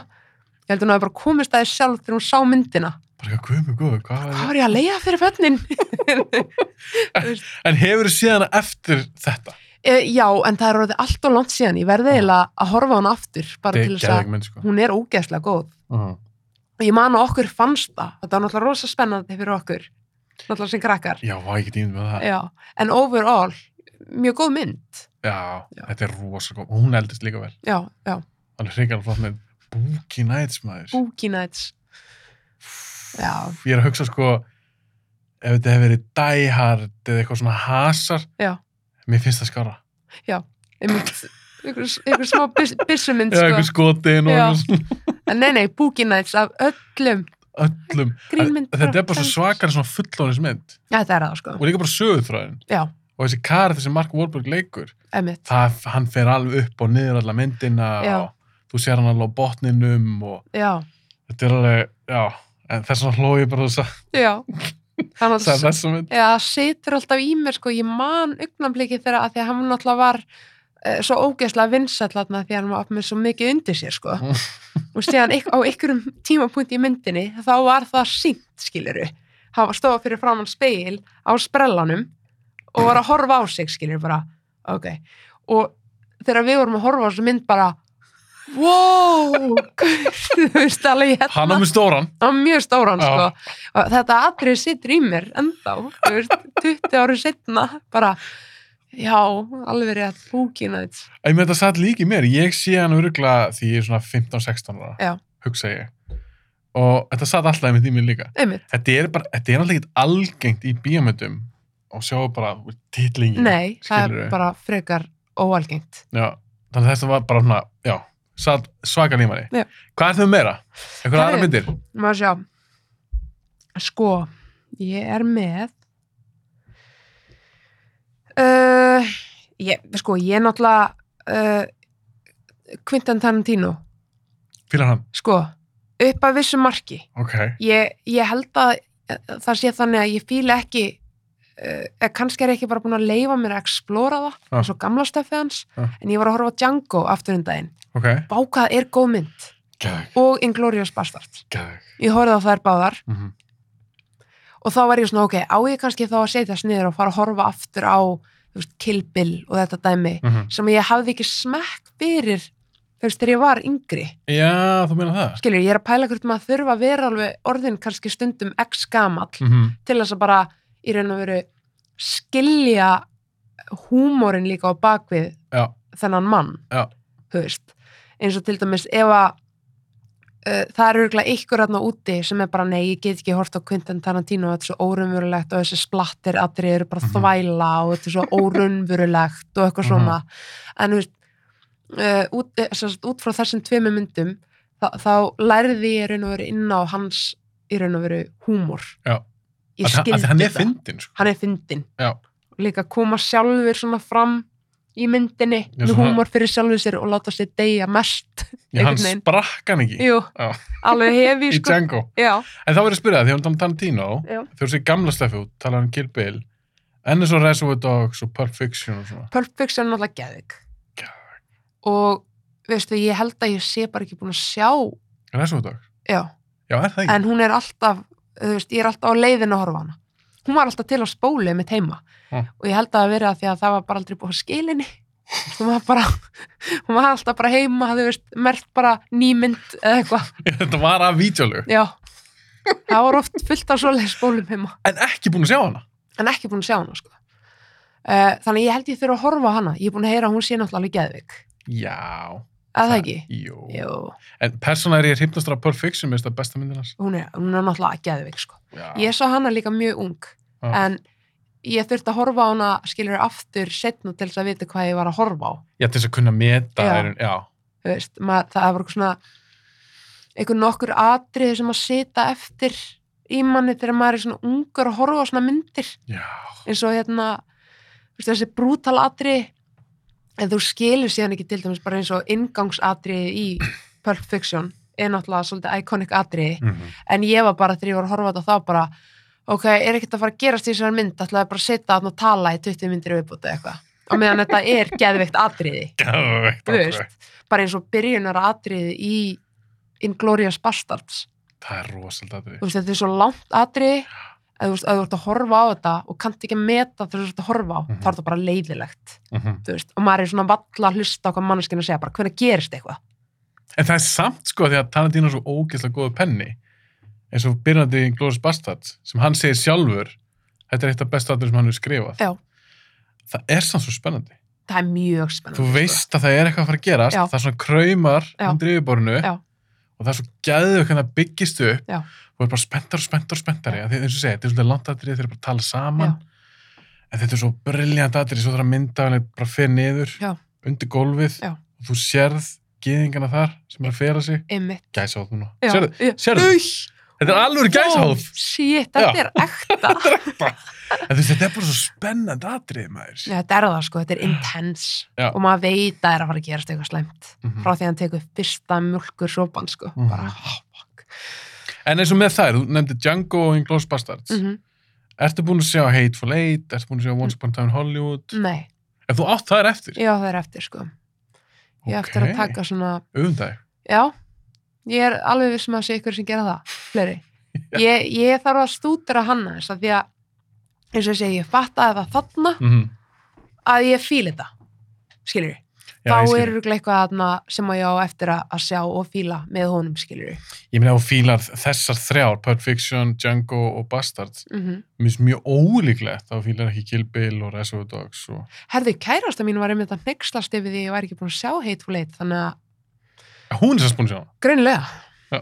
hún var eitthvað, eitthvað að skammast yfir mér. En þú verður að sjá hana því að hún... Og Hún var líka að hérna, skamma mig að, hérna, að einhvern veginn, hvað var í landsenni ég sé Kill Bill, hún er kannski bara meðalega geggjaðan bíómyndasmekk, ég er bara ekki búin að læra Þið þurfa að þetta. ræða, þið þurfa að ræða þetta betur Já, heima. ég held það. En Kill Bill er svolítið svona, jú, hún er svolítið flippuð, Já, en hún er ógeðslega góð maður. Já. Þeir, þeir segja hún, þá er ég að tala um 1 og 2, þetta er já, já. hann hugsa þetta sem eitt verk Einmitt. í rauninni. Mm -hmm, En já, ég var mjög til að heyra hvernig finnst Hateful Eight sérstaklega að hún er rosalega löng mhm. já, og hún er alveg slow burn. Já. En mér fannst hún mjög áhugaður og spennandi allir tíman. já, já, Þannig að hann bara er skemmtileg penni. já, ymmit. Hann, náttúrulega, já, hann kemst upp með það, sko, að því að, og atriðin geta verið svona löng Mhm. af því að, hérna, og aðdraðandinn að hverju atriði getur verið korter, Já. þú veist, af því að það er velskrifað, Já, og þú veist líka hvernig þú færð nú oftast eitthvað payoff. ymmit. Eins og í Bastards, byrjunadriði, jú, kannski svolítið langt, Mm -hmm, en það er eitthvað, það er eitthvað point í því, akkurat, skilur við. akkurat, Það endar á allt öðru staðan að byrja því og þetta- þetta er ákveð bara svona rætt, Já. það atriði. akkurat. Hvernig fannst þér Kristof Waltz sem hans landa? Nazi hunterinn. Já, mér, mér fannst það bara, þetta er náttúrulega, þetta er æ, geðveikur leikari. Já. Það er einhvern veginn hvernig hann næri þessi karakter er bara mindblowing. Mér finnst hann, alveg- hann náði þessi rosalega vel. Fannst hann skeri, þessi karakter? Já, hann er líka með þetta nazi lúk, einhvern veginn. Já, það er eitthvað off við hann, Já. þennan karakter. Já, hann alveg náði þessu mjög vel, sko, bara, þú veist, maður sá bara SS-svipin í andlitinu á hann. Já. Og þú veist, talar reybrennandi þýsku og þetta var bara svona, þú veist, Það er ekki eitthvað við hann þegar maður horfir á hann mhm, og hann brosir. já, einmitt, Það er eitthvað svona, það er eitthvað svona chilling við það. já, Ég myndi ekki vel að hafa hann gæja eftir mér. nei. Þú veist, En samt einhvern virkar hann svona svolítið glæðilegur og svona stundum góðulegur, einmitt, en samt eitthvað sækó. já algjörlega bara eins og í hérna Django Mm -hmm. geðveitt viðkunnulegu gaur mm -hmm. en samt ógeðslega þú veist hvað maður að segja, og þú veist, hann, hann var alveg mjög vond persóna, en samt geðveitt góð persóna, skilur Mhm. mm. því að hann tók hann svona undir á vendarvæng, en var Já. samt í ógeðslegu Mhm, missjóni, en samt einhvern veginn í góðu missjóni, þú veist, að vera góði kallinn, Já. en samt með því að vera ógeðslega vondur þetta er einhvern veginn svona eh, hann er allavega kapsir að sína karakter alveg rosalega vel sko. Já, þetta er skemmtilega leikari. Já. En svo alltaf þinn maður í Django, minn maður í Django, hann leikur ógeð þar. hann náttúrulega vá, hvað hann leikur ógeðslega mamma er ég var bara eh, Ógeðslur. Monsieur Candy Já.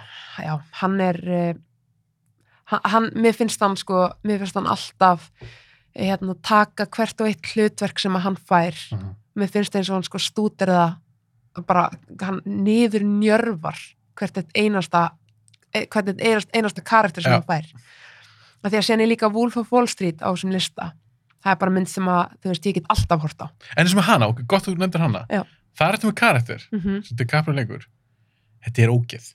hann er náttúrulega viðbjöður En samt einhvern veginn er gana að horfa á hann. að- að- bara geðveikt, sko Af hverju? Hvað er að við þetta lífverðni eða þennan lífstíl sem okkur finnst svona heillandi úr fjallega? Já, þetta er bara svona, ég held að þetta sé ákveðin svona fantasia, Mm -hmm. þú veist, uh, hvað er eh, í raun og veru, hvað þessi heimur getur verið uh, heitlandi samt sem, að þú veist, ef þú pælir í því, bara sem áhorfandi. Já. Þú veist, af því að þú væri aldrei til í að vera í þessari stöðu sem hann er í, af því að ég hugsaði með mér, hvernig fer hann í gegnum heilan vinnudag, þú veist, hvernig er þetta hægt, hvernig er þetta að vera svona ógeðslega vond manneskja. Já.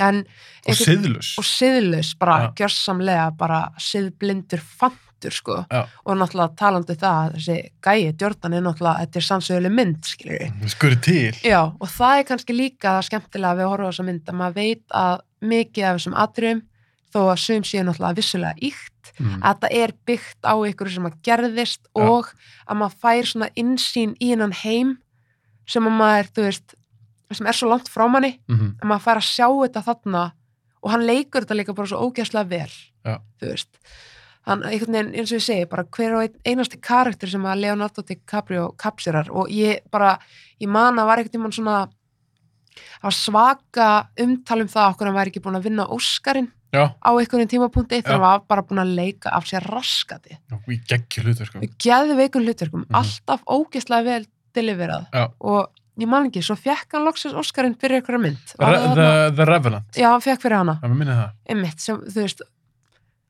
sem er svona kannski mest arti myndin sem hann hefur leikið í. Já.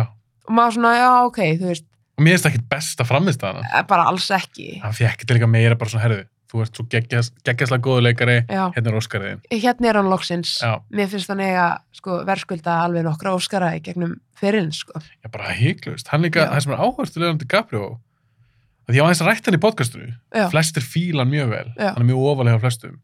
En Hann líka svo sniður að velja sér leikstjóra og hlutverk. já, að því þú getur ímyndað hvað búið bjóðan ofta leiki ykkur ofurðsmynd eða Star Wars eða, og hann bara nei, æ, hann bara nei, nei, ítti henni mækin, bara nei, nei, nei, Nei. nei, hef ekki áhuga á þessu. akkurat. Hann vanda svo svakalega. Hann gerir það, sko. Ég, það dýrkaði við hann. Og líka einhvern veginn, uh, að það er eins og að sé aldrei desperate eftir hlutverki. Nei. Hann landar einhvern veginn alltaf góðu hlutverki. Já. skilur mig, Já. hann er ekki hérna hérna uh, þú veist, það er einhvern veginn sumir uh, leikara sem að enda stundum á því að vera allt í hennu bara í einhverjum bjömyndum Já, það er sorglegt. já, það er sorglegt sko Já. hann einhvern veginn nær alltaf að halda sig bara á streki að leika bara geggjur hlutverk Já. og ég las að styrlaða staðrind því hérna uh, Um hann. já, Já. að hérna, og það var, það var sagt eitthvað svona uh, en hefur pælt í því að peningurinn sem að Jordan á að eiga í Wolf of Wall Street er bara smjörð yfir að því sem að Leonardo DiCaprio á í alvörunni Já. þú veist, þannig að hann er miklu ríkar en hann, Já. þú veist, hann á að vera að leika þarna eitthvað geðveikan veldismann Já. sem á bara allt Já. frá þyrlu og snekju og flugvél og bara allt þetta sem að Mm allir, öllum dreymir um að eiga Já. öllum, öllum sem að öllum okkur sem eru svona veruleika fyrst -hmm. bara að kaupa hlutabrið og vera bara eins og Jordan Já. um, hann var miklu meiri pening Sem er ógst að finna að hugsa út í. sem er ógeðslega fyndið að hugsa út í Ég sko. er ekki svona pælt út í, út í það. nei, af því að þetta virkar svo abnormal og absúrt peningur eins og engin einan pening í heiminum Já. það, hann var er ekkert ríkasti maður í heimi þessi Jordan Gaur sko Nei, þó hann láta- láta þess að lúka þannig. já, hann, hann náði allavega að kapsjur að það hlutverk alveg Já, að delivera því rosalega vel, sko. Já, það er líka töffið til Capri, hann hefur aldrei, ekki sem ég man eftir, hann aldrei verið í fjölmjölum fyrir eitthvað svona rugg. Nei, það er líka annað. Hann er reyndar döglegur verið stöður að skipta um kærustur Já, og ég held að þessi búin að fara í gegnum Victoria's Secret katalógin já, bara. einmitt. En ég meina það er ekkit ólulegt. Nei, ég meina, maður, maður þarf að máta hennan lista, maður þarf að máta hennan katalóg. Það var svona, mér finnst maður svo fyndið, ég er alltaf að sjá, eða þegar maður sér eitthvað svona myndir af honum, Mm hann er með eitthvað nýri, eitthvað fyrirsættu eða eitthvað skvísi Einmitt. og þá var alltaf bara að býtu, hann eldist, hann er samt með býtu þessi 21, Já, einmitt. 21. Já, hann orðin auðvitað 48 ára eða 50 eða eitthvað, einmitt. Hann allavega yngist ekki, sko. hann, nei, hann yngist ekki. Nei, En það er svona eina sem maður eftir að sé þið af eitthvað svona viti í fjölmjölum, annars verðist það vera bara svolítið svona frekar low-key. já, ég, já, low key. Ég, ég, Er það hérna, jú, algjörlega. Það er líka það sem ég hef alltaf heillast Já, uh, af viðan það er, þú veist, þessir þessir hérna þessir hérna, hérna leikarar og syngur þeir sem, sem er ekki endalist í siðstjórnslunni fyrir eitthvað kjaftaði Já. eins og þessi Brad Pitt, Jennifer Aniston súpa sem er bara endá verið að præra í bara give it up þau voru saman, Já. það var erfitt þau hættu saman hann byrjaði með Angelina Jolie, get over it þú veist, það er ennþá bara verið að bara hræði gröpnum bara, hvað nú þú veist, þetta er einhvern veginn svona þú nennir ekki að setja þig í, í, í þessi mál. Nei. Nei, hvað er mikið drullu saman? hverjum er ekki slétt, sko Þetta er svo núna er Ben Affleck með Jennifer Lopez Já, já. aftur. já, já, Mér er alveg sama. bara alveg drull, sko ég hef mitt var að tala um þetta mjög- tala um þetta í útvarfinn daginn, hvað Já. þetta væri hvað heitir þetta eina, þetta er Bennifer voljúm 2, alveg bara eins og þetta sé eitthvað þeng Voljum 2 framhaldssaga. Já, alveg bara ógæðislega en þetta er náttúrulega sem þetta gengur út á þetta paparazzi dæmi sko Þetta er samt eitthvað svo boring. það er svo boring sko, Það finnst mér. mér, mér er líka svo slétt sko, ég er bara höfust ég bara gæti ekki verið mér sama hjá hvað liðið þetta er að sænga sko Mér er bara drullu sama. En þá verð ég að spyrja þig. Hvað finnst þú um Kardashian-lið? herri, aldrei sett mig inn í þau þú veist, En þú veist af þessu fólki. ég veit, ég veit af því Já. uh, bara, þú veist, út af uh, þú veist, hvað þau hafa verið á milli tannan á fólki Mm og kannski líka þú veist að því að ég held mikið upp á Kanye West skiluru og hann náttúrulega Mitt. potaði sig þarna inn í, inn í þessa, þessa þetta, þetta trúða uh, batteri Sest, Eh, Kanye West, að þú fíla hann. já, Hann verið svo svolítið sérstök típa. mjög sérstök típa Og náttúrulega snillingur og sinnhátt. já, En ofte með snillinga þeir eru sérstakir. eh, virkilega Hvað hugsaði þú fyrst þegar þú heyrðir þetta? Eitthvað hann væri komin inn í þetta Kardashian-dæmi. Varstu bara eitthvað svona, "Ah." aaaah, Eh, Já, ég sko, eða svona, mér fannst eins og hérna, eða, þú veist, álit mitt á honum, eða sko, ok, Kim Kardashian, Já. ég, ég held samt að hún sé alveg svona kortir í skosti kosturinn hann, sko. já, ég bara þekki ekki alveg nógu Nei. vel til þess að, Æ, hún Segir er eitthvað til svona alveg eitthvað mentuð og er, er, er eitthvað potential í henni skilur Mm. að þú veist, ég kann samt ekki þú veist, þetta er bara náttúrulega þetta, er bara, að, þetta efni er svo mikið þú veist, þetta er svo mikla peningamaskinur já, að það er bara svona above my knowledge að vita út á hvað þetta gengur og af hverju þetta fólk varð svona ríkt út af þessu en verðum ekki að gefa mig eitthvað smá kredit, ég meina, þeir náða þannig að marka setja sér svona vel, Já, bara full on credit Já, bara til öll- hamingju öll fjölskyldan. Kardashian fjölskylda en mér er þetta ekki öfundsvært líf. Nei, þetta er þú veist, þetta er einhvern veginn uh, jú, þetta var hann frábær stökkpallur fyrir hann ég man ekki hvort hún hafi verið yngst eða hvað, hann Kylie eða eitthvað Kylie, já, sem er með eitthvað snirti verið línu og er yngsti biljónamæringurinn í heiminum og eitthvað svona, Mhm. flotti stökkpallur fyrir hana, en svona almennt þetta fjölskyldi drama, en fólk náttúrulega lifir fyrir svona raunverulega kjaftaði sko. af hverju svo? ég veit það ekki, ég bara ég hef aldrei hort á Kardashian þátt sko. Nei, og hérna, ég kannski sé svona tvær mínútur. einmitt, Já. samanlagt Það er samanlagt í Já. mér, af sko 20 seríum eða eitthvað. alveg bara hours of crap en já, ég er svona ég, hef- þú veist, ég hefði alveg getað trúað upp á mig að setja mig eitthvað inn í þetta fyrir að kann ég á vest þú veist eh, Já, þegar hann, þegar hann fór í það. já, Mm. en hann var ekkert svo involveraður í þessum serjum sko. Nei, hann er kannski ekki verið mikið í það. nei, ég held að hann hafi ekki tekið mikið þátt í þessu En nú eru þau skilin. Nú eru þau skilin, saman, já. eða, ég man eitthvað þú voru gift eða ekki. Þau eru ekki saman í dag? Nei. Nei, hann búið að losa sig frá því. já, Ég held ekki einhvern veginn svona gæi, svaka tónlistu gaur, er hann að nenni þessu dramatóti? ég bara, það getur ekki verið Þú vil ekki bara semja eitthvað næstu plötu og Ég get, hver tollir í svona umhverfi? svona ruggli? Já, en það er þess að gælur alltaf bara með ykkurum mér finnst það alltaf vera að hætta með og byrja með og Já, þetta er voða þetta er voða svona drama í kringum þetta. það er það sko Já. Alveg bara svona, En svo líka, ef þú ert með svona þú þú- þú ert með svona batteri svona, Mhm. þetta er svona ákveð veldi og þú ert með þess að þætti og þetta er þess að serju mm það þurfa alltaf að líta svo flottar út það er alltaf, þú veist, þetta er svo þetta er svo bringlað já, þetta er svo hérna, þetta er svo yfirborskent já, það er bara svona, þú veist, eins og ég segi það er bara absúrt að eitthvað skuli nanna eða orkunni að, og líka hafa tilfinningar fyrir þessu Þú já veist, vera fólk- investið í eh, fólk þessu er svo investið með þessari fjölskyldu Mhm. það er bara, þú veist, það er báralegt það er bara, það er bara blóð sitt og tár bara það skilnaðir það er bara næstu í allt í uppnámi bara á heimilinu ég meina eins og með, ég spurði eitthvað sem þetta var eitthvað sem spurði mömmu eða eitthvað því hún hafði oft svona áhuga á konungsfjölskyldunni já, í Brellandi já, já, er þetta ekki bara svolítið þannig pæling í raun og svona veru nútíma eitthvað konungsfjölskylda innan gæslappa það er alveg svona, þú veist, það er mjög góð samlíking, já, þú veist en ég skil hvort nei, já, einmitt því er bara, þú veist, að, að geta involvera, involvera sig svona í líf annara mm -hmm. og tekið svona, jafnvel kannski bara persónulega, þú veist já, orðið kannski leið þegar eitthvað, eitthvað skilur eða Já. eitthvað svona, já. þú veist Bara... Vistu, það raka, ég skil þetta ekki heldur Nei, þetta er ótrúlegt sko Vi, við erum sammáluð það, okkur finnst það skrítið A- algjörlega sko förum aftur í eitthvað skemmtilega bíómynd Já. hvað er þetta konan á listanum? er þetta að búa með hana, hvað er stendur? Herðu, ég held að sko síðasta eh, myndin hérna sem að eh, er hjá mér er, já það er hérna The Purge er eftir Vistu, ég sá hann ekki, en ég veit hvað mynd það er já. já, sko já, það er náttúrulega mynd sem er mjög áhugaverð af því að þetta Aha. er rosalega áhugaverð hugmynd hvað er til í þessu hugmynd? fyrir þá sem vit ekki mm er þetta ekki þannig að hvað, einn dag eða eitt kvöld á Jú. ári eða eitthvað, já, þá máttu gera svo vilt Já.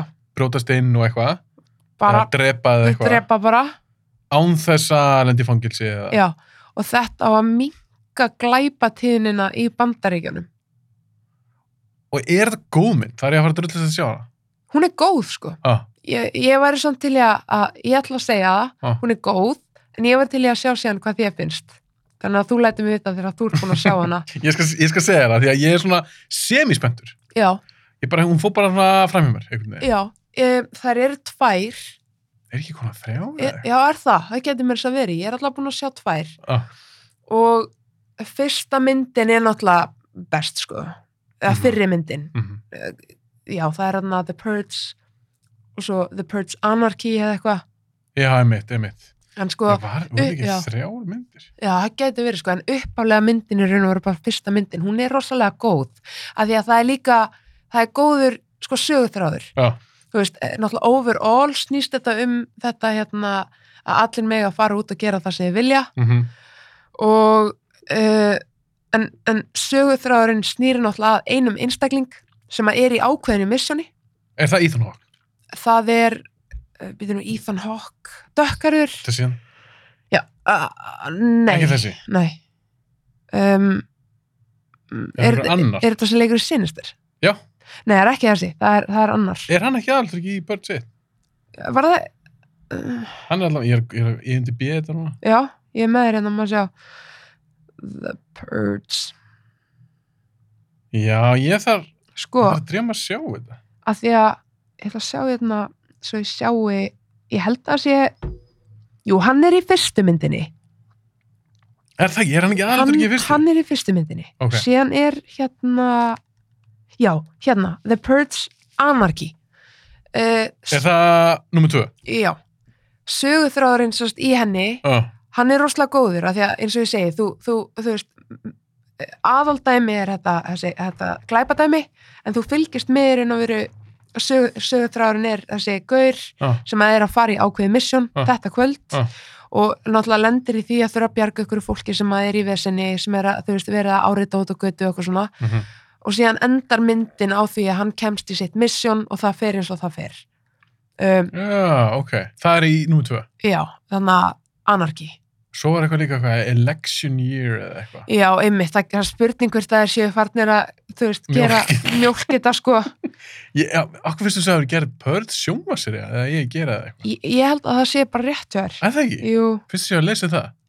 En eins og í fyrstu myndinni, já, að svona glæpir leiðir eitthvað á einu kvöld eitthvað. Já. Var þetta til í þetta? ég er ekki, ekki þetta er svolítið galin hugmynd sko. Þú myndir ekkert fara og drepa einhvern og brjótast inn einhvers staðar og...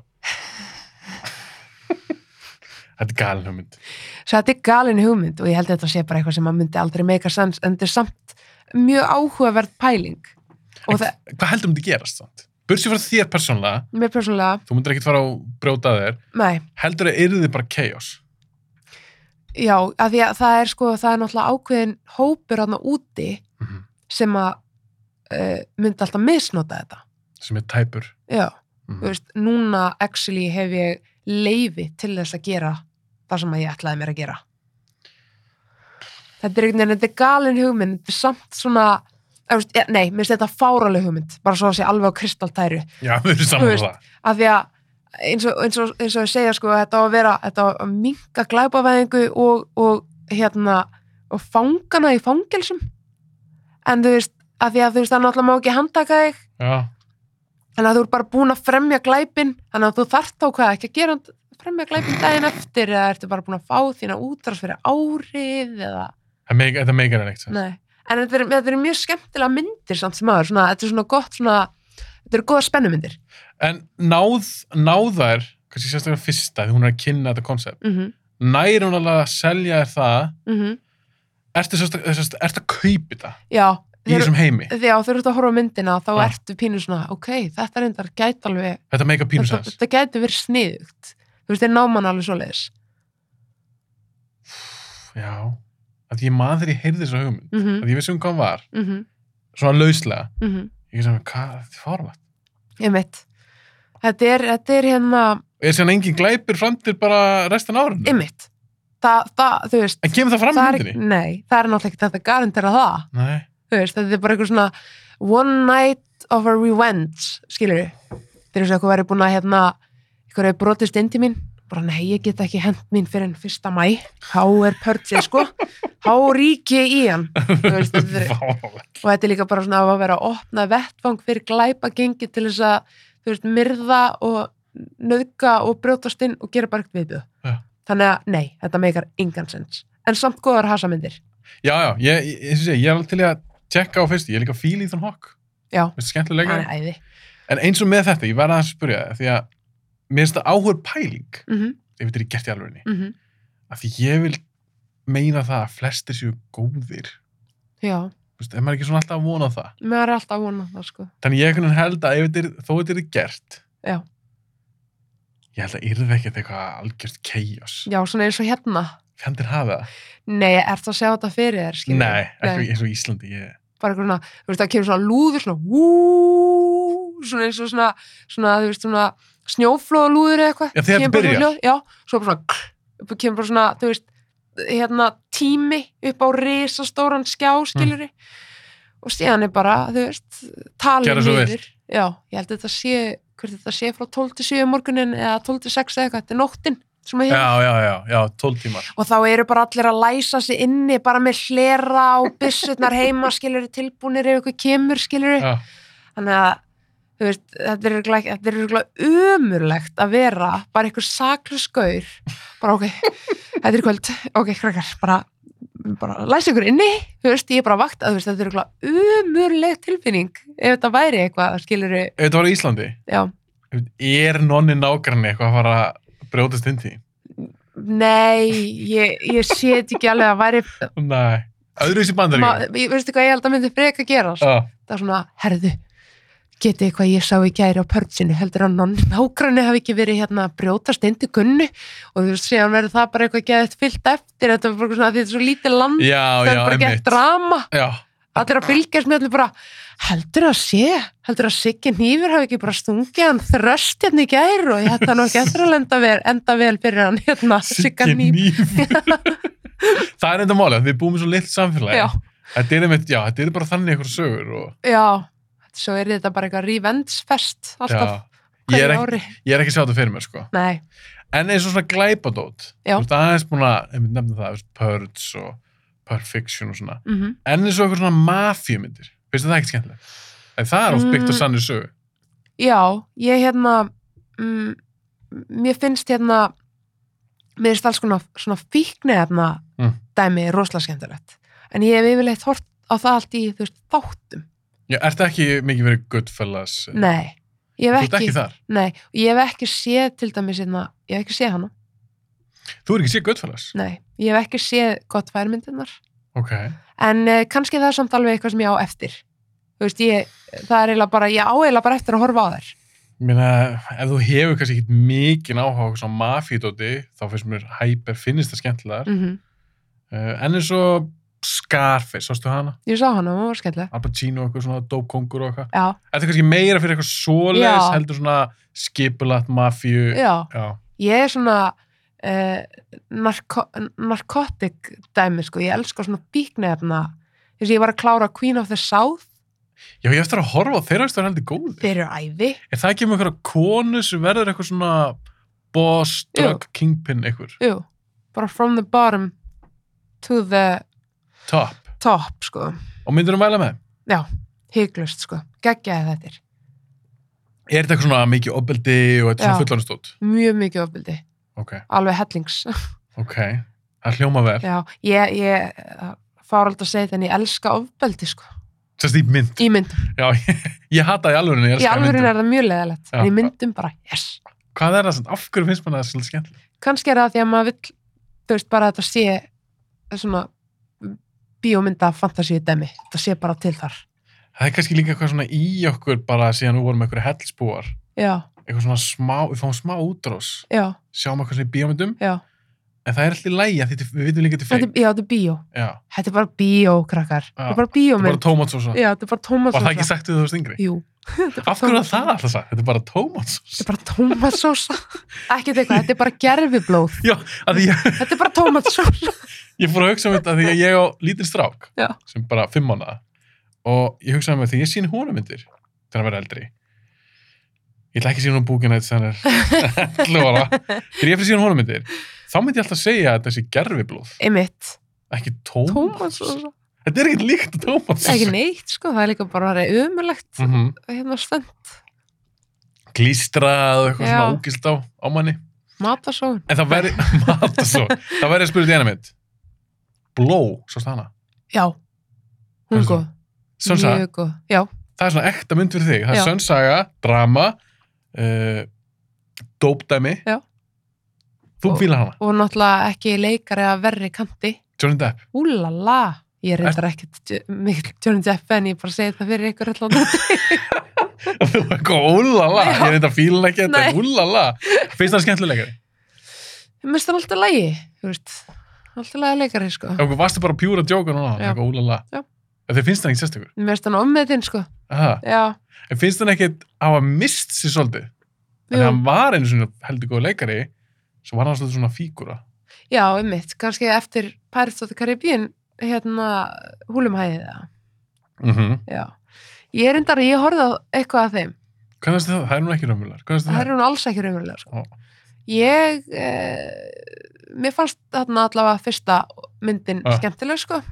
en ég átt hana sko eh, á brendum disk já, ó, var þetta kannski mögulega ólöglegur diskur Ég veit það ekki Og hérna- mögulega, mögulega ræða smá. það ekkert frekar Nei, nei, Nei. ég ræði það ekkert frekar í svona harkalegum gæðum sko og hérna, ég horfði mikið á hana sko kannski er það því átt hana en mér fannst hún skemmtileg já, Mér svona fa- æfintirmynd Já, þó ég sé ekki mikið fyrir þær þá var þetta, það er þess það er Persokarifin 1, Mhm. ég sé Narnia 1 Mm. og Avatar þetta eru svona, og Tjúrspark, og Jurassic Park það er svona hálfgerð æfintirmynd e eiginlega, já. já. þetta eru svona helstu ævindiramindir sem að ég get uh, tengst en það hljómar eins og það sé alveg hægt að lauma einn og einni það gæti verið hægt sko inn fyrir hennar vekk hjá þér, já, þennan raunverulega vekk já, hann er alveg niðurbrjótanlegur sko, ég er ekki alveg það eru göti hún, það er gutt sko, það Ok. er kannski hægt að pota inn einhverju hérna, hérna er smá hérna einn og einni mynd einstarf og spyrja á henni en svona í lokin Já. og mjög skemmtilegt hryllismyndir Já. Mér er svo gana ræðar hryllismyndir í þessu podcasti já, að því að fólk hefur svo skipta skoðanir Já. sem er hataðir, meiki horfaðir aðri bara lefa fyrir þær Já. nefndir aðeins svo Já. svo nefndir Conjuring uh þú ert kannski ekkit fyrir svona draugadót eða Sko, ég þarf að vera í alveg rosalega sérstöku skapi. Ég Já. á vinkonu ah, og við eigum bara okkar movie nights Mm. og þá tökum við fyrir hryllingsmyndir. mm En ég þarf að vera búin að setja mig í einhvers konar karakter eða gýr til að fara að horfa á Conjuring eða Exorcist eða Mama eða af hverju, eða, þú veist, er það því þú verður hrætt eða viltu verður hrætt eða Ég held að sé bara, sko, náttúrulega, d- ég trú ekki á drauga. Mér finnst draugamyndir, hérna, rosalega, hérna, e, hvað á ég að segja, þú veist, svona ótrúverðugt dæmi. Ha. En ég vil samt setja mig í karakter eins og ég sé pínu að ég Vi- trú þessu. Já, Skilurðu mig? ég skilji. Ég vil vera svolítið in it. Viltu vera hrætt? Ég vil vera hrætt. Ég vil Ok. vera mjög hrætt. Já. Og ég vil að lokist þarna fyrir að Já, í hálsinum á mér sem gerist þegar ég er að horfa Þú okkar missir andan. Já, í alvöru, í bíó þá er ég bara Já. eitthvað, þú veist, og að því að þegar ég verð hrætt þá hlæ ég Mm. þú veist, þá svona þú veist, það var kemur eitthvað svona hystrist hystriskur hlátur Já. úr mér og lokast einhvern veginn svona fyrir koki á mér og það er ógeðslega vond, Já. en mér finnst það ógeðslega gaman ég er náttúrulega pínu svona adrenalín með adrenalín tendensa, sko Já. og, en ég þarf að vera búin að setja mig ég þarf að vera x upplögð til þess að fara að horfa á hryllismyndir og ég vil helst fara þá á þær í bíó Já, þú vilt fara í bíó. Viltu sérst upplefa hana, Já. myndina með öðru fólki, eða svona með hópa fólki. já, þú veist, bursið frá því Já. og er það bara einhvern veginn meira, þú veist það, þú, þú veist, þetta er eitthvað sem þú þarft að horfa á þetta í dökkur rými í, hérna, góðu samdi Já, já, já, já, ég og skilji. hérna, einhvern veginn svona vera inn í myndinni, skilur við mig En að þú trúir ekki drauga, mm er það þá eitthvað að ná þér eða?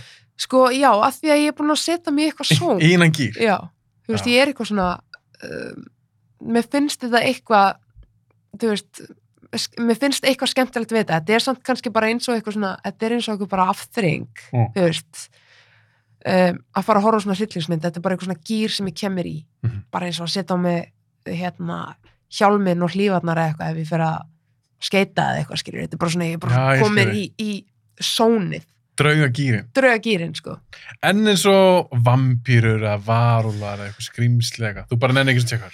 nei, ég er minna fyrir það Já.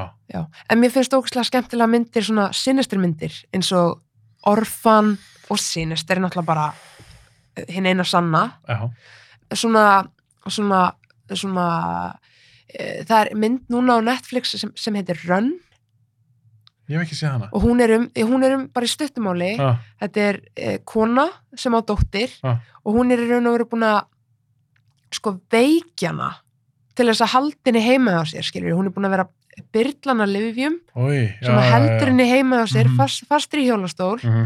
og síðan fer stelpana, þú veist, átta sig á hlutunum Já. og þar leðendum sko verður þetta geðið svona skeri mynd, hún verður geðið spennandi og hún verður svona, þú veist, þe- þetta er eitthvað sem ég myndi ekki kalla sko hryllingsmynd en það eru þessi Já, sinuster, já, já. já. þessar sinuster myndir sem eru svona skeri en, og, og hún er ekki hryllingsmynd, það gerist að það er ekki mikið ofbeldi í henni, Mhm. en hún er rosalega hræðilega allan tíman, skilur við maður er svolítið svona, En Þú þa- en þa- þetta er samt meira svona eh, kannski thriller frekar já, en thriller frekar en horror. já, thriller En Það er ekki draugar í þessu eins og leis. einmitt, það er mín go-to sjónra þegar ég er að leita að myndum þú veist eins og Netflix og annað, Ah, thriller. thriller En þú ert spennumynd. já, og, og þetta hérna, einmitt, þetta svona þú veist, einmitt, þetta þetta, hérna, eh, þetta sinister vibe einhvern Mhm. veginn svona Þú fíla það. En það er til dæmis, það er djöfull. það er náttúrulega skeiti ámjörðislu sko.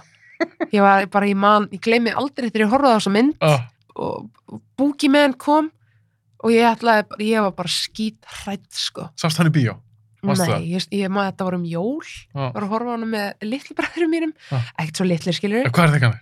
þeir voru þarna þau veist eh, 13 og, og þú veist Já, ok, þeir voru ekkert eitthvað sex Ekki- ára, sex nei, ára eða nei, eitthvað. nei. Ok, þeir, þeir voru ekki svo ungi sko ok. en ég, ég man bara að þetta voru jól Ah. og ég voru að horfa á þessa mynd Ah. og ég var bara literally skítrætt og þú veist, yfirleitt er ég nú ekki eins og ég man, ég gleymi aldrei þegar ég sá The Ring fyrst, Ah, þá er ég 14 ára eða eitthvað slegast ah, og þetta var um páska Ah. og ég og vinkonu mín sváum saman alla páskana, við vorum svo hrættar sko við vorum bara, það var bara gistin hjá mér Ah. í tíu dag þú veist, við vorum svo hrættar sko og við fórum á hann í bíó, ég veit ekki alveg hvernig við komst á hann í bíó, Sko, hún er 2002, minnum mig. já, Sérst, e- e- Passar. bandarska. já, Já. banderska 2002, þú ert 87, sagði það ekki? já, þá er hann að, já, ég er 14 ára 15. Fer, já, 15 Já. já, ég er, að- 15, ég er að Ah. já. verða 15 ára aðna Og hún er náð þér vel. Svo mynd. Jésús Kristur sko Er það mest skeri myndið sem þú sé? Það, er það ring og sinnstil? ég held það, af því að þær sita svo eftir í mér, skilur Já. þú veist, en ég reyndar, ég horfði á ring Já. um daginn, Ekki skeri. nei þetta var bara svona, ekki lengur sko en mér finnst samt enda bara gaman að eiga þessa hugmynd af mér bara, þú veist, f- 15 ára bara, ég gata ekki sofið einu tvær vikur af því að við vorum svo hrættar sko En var ekkit svona, svona hugsað tilbaka og fengið smá svona hræðstilfinning aftur jú, bara að rifja upp. jú ég, ég upplifiði svolítið svona Já. þetta var svolítið svona upplifinar ég var að upp, uh, lifa aftur þessa hræðslu síðan fyrir ykkurinn 20 ánum síðan skilur Það er samt fyrir gaman. það er það sko, Er það ekki? jú þetta var svona já, þetta, þetta vakti upp alveg svona eh, einhverja minningar og hérna ég mitt sendi strax á vinkonum mínu bara oh my god, ég var að horfa á The Ring Mhm. þú veist og við tölum eitthvað um að hvað þetta hefði verið þetta var náttúrulega, eh, þú sér hvað það situr í manni Ég veit það. skilur mig En það er svo magnað Já. að þú veist þetta feik. Akkurat. Þegar þú sást hana, þú Ég veist bara, þau, Bíó þú veist þetta var feik. á Tómansósa. þetta er bara dóman svo svo. En það er sem er svo magnað að hryllu. Já. Það er ótrúlegt hvernig hryllingsmyndir og allt þetta getur náð manni. Þetta er vel gert. Já, Þetta getur fokka mann upp, sko. alveg gjörsalega. Og eins og Texas Chainsaw og, og allt þetta dæmi, sko. Já. Það er bara, ég, mér er svoleiðismyndir ógeðslega skemmtilegar. Einmitt svona thrillermyndir. Og svona meira svona blóð heldur en Já, draugar. Já, meira Já. blóð heldur en draugar, meira svona skeri, held, sko, meira svona hræðilegt, skiljum við, eh, þú veist, eins og svona, eins og bara eh, Texas Chainsaw. Já. fullkomin mynd fyrir mig Mhm. af því að hún er ógeðslega spennandi þó maður viti nú yfirleitt svona cirka bara hvernig Já, þetta já. fer allt saman Já, já.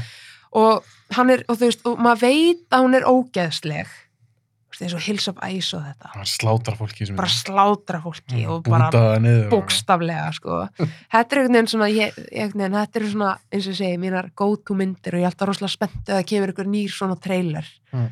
einhver svona eltingarleikja hræðslu dæmi, þá er ég alveg Þannig að þú fílar henni slassermyndir.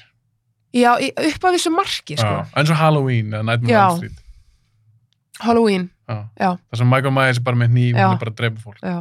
En þessar endurgerðu, sko. Já. Já, ég, mér, Ekki ég, gömlu. Nei, ég hefði gaman að þessum, þessum endurgerðu, sko. Gömlu eldst ekkert sakna. Nei, einmitt. Já, mér minni það nefnilega að það hefði kannski verið máli.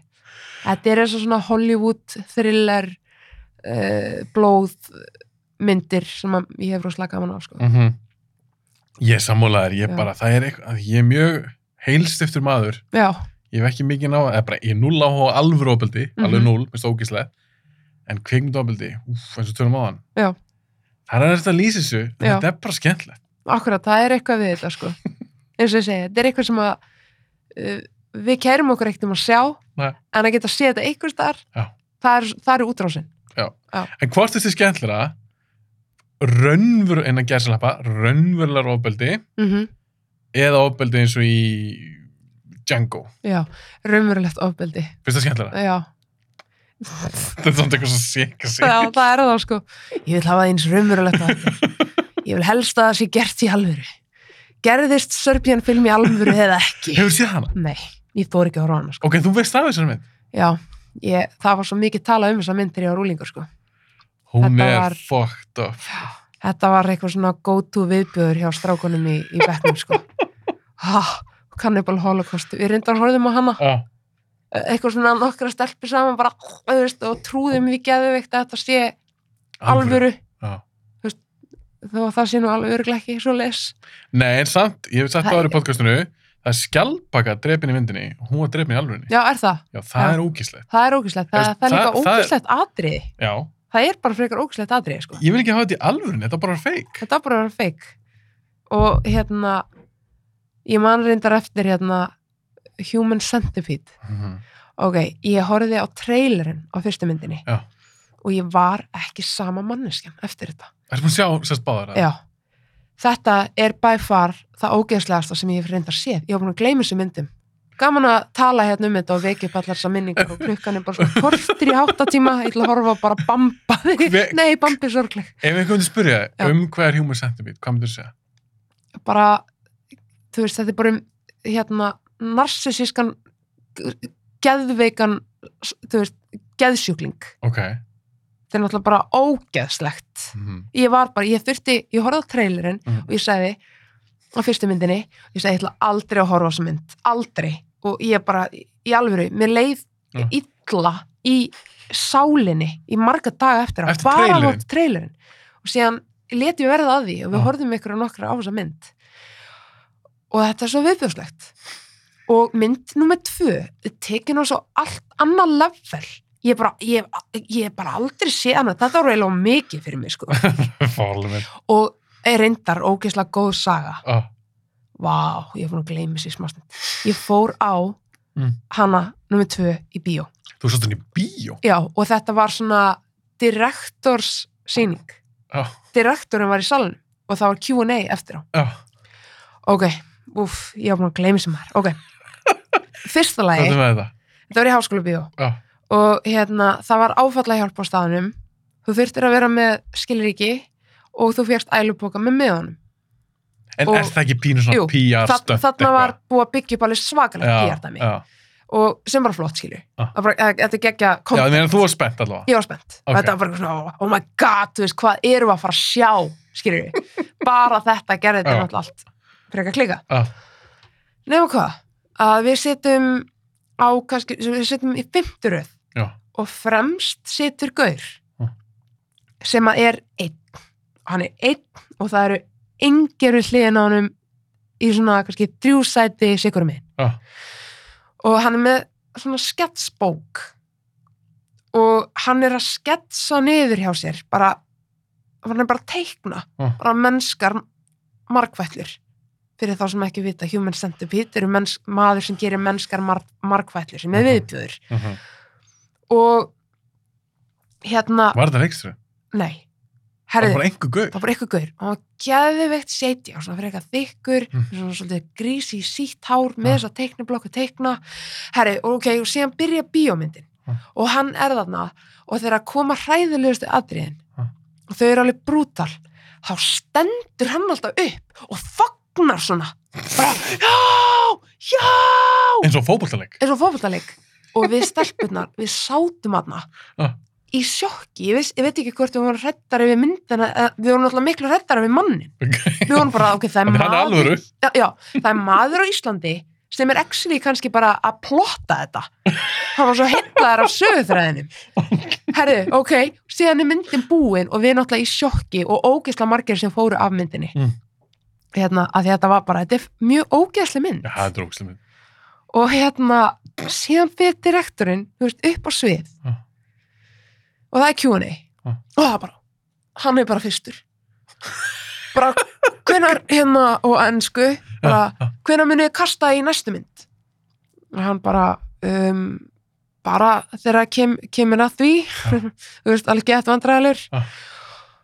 og svo bara kemur ykkur og, og spyr ykkur eitthvað út í sal bara hvernig, hvernig hva, hvaðan datt þér þetta í hug? já, hvernig, hvernig datt, dettur er þetta í hug og hann kemur ykkur að því og þá kemur hann bara aftur bara þú veist uh, get ég sótt um að vera í myndinni hann eitthvað já það er náttúrulega bara ákveðið ákveði prósess þú veist maður bara sækir um þegar að fara að kasta myndina og hann er orðin alveg, ég manna á mig kúrekahatt geðveitt skrítin kall já sko, leiksturinn. leiksturinn Já. og, hérna, og síðan heldur einhvern veginn bara áfram eitthvað Q&A og hann er alltaf bara þú veist, mættur bara, Hann er bara fan. hann er fan af Mhm. The Human Centipede og ég var bara, ok, það er í alvegni bara maður á Íslandi sem er núna bara að sketsa okkur hérna inn í þessum sal og hann er bara að fara að gera okkur öll að mann, mennskum markvætnum í guðana bænum, þú veist, fylgja öll sönnurgagnaði að við verið hérna í alveg, ég er bara, þetta er bara þetta, ég var sko skít og við tókum sko uh, við byðum örglega í korter Ah. eftir að hann var búin að labba út úr salnum Og hann, hann var líka einn á það ekki. einn fremst með teikniblokk að byggjum að fá leika í næstu mynd sem ég held að hafa aldrei Jú, þau gerði þetta í þrjár.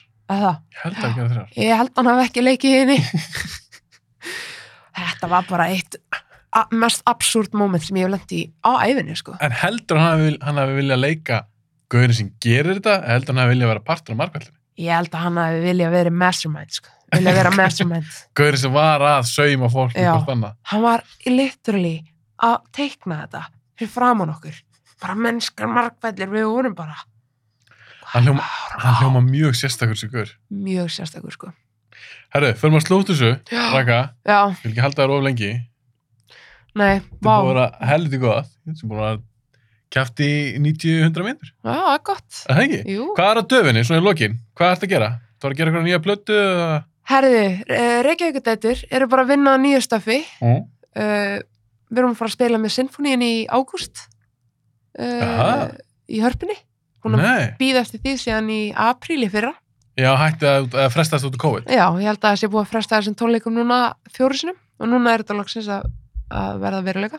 En þið gáðu plötu, er það ekki í fyrra? Jú, við gáum út plötu í, í fyrra. Ég er búin að hlusta þetta mikið á Thirsty Hose. Já, Þetta er geggja lag. Æ, geði, mér langar svo að gera myndband við það. Þetta er Ég geggja er með lag. svo perfect, þú veist, sín. Er það? Á, á mymband. Já, sem er bara rillingsmynd, skilur við, eða thrillermynd. Já. Að því þetta er náttúrulega bara morðlag Já, og hérna, mér langar svo að gera bara stuttmynd. já. þú veist, og við að fara í gegnum í raun og verið lægið og textan um, Er að koma önnusast platt í ára? vonandi í ár annars á, á næst ári við náttúrulega sko, við sátum á hinni plötunni í Ah. næstu ár og síðan kemur COVID Veitu, hvenær kom hún út? Ég sá bara 2020. Hvenær var hún? já, hún kom út 2020 Já, maí Fyrir eða COVID. eitthvað svoleiðis. Já, nei, þegar COVID að byrja. já, og við, Ok. við vorum búin að setja á hún í ár Ah. og við bara, við getum ekki að setja á þessari plötu í tvö ár, þú veist, við þurfum að halda áfram í lífið, skilur við Algjörlega. þannig að við gáum hana bara út og, og við náðum aldrei að fylginni eftir Ah. og það er eins og að ég var að tala um hann í byrjun þú veist að leðalegt er að fólk gefur sér ekki tíma í til þess að hlusta á heild, Mhm. heildarkonsepti þegar mann er ekki einu svona skilaði af sér með einum tónleikum eða eitthvað sko Nei. um, þannig að já, það er svona planið bara að reyna að gera núna nýja plötu, fylgja henni eftir á næsta ári þegar Mhm. maður loksins fara að spila aftur úti Já. af því að það er svolítið sem að, þú veist, keirir okkur áfram sem, sem hljónsitt, það er að spila, spila erlendis Er þið mikið að gera það?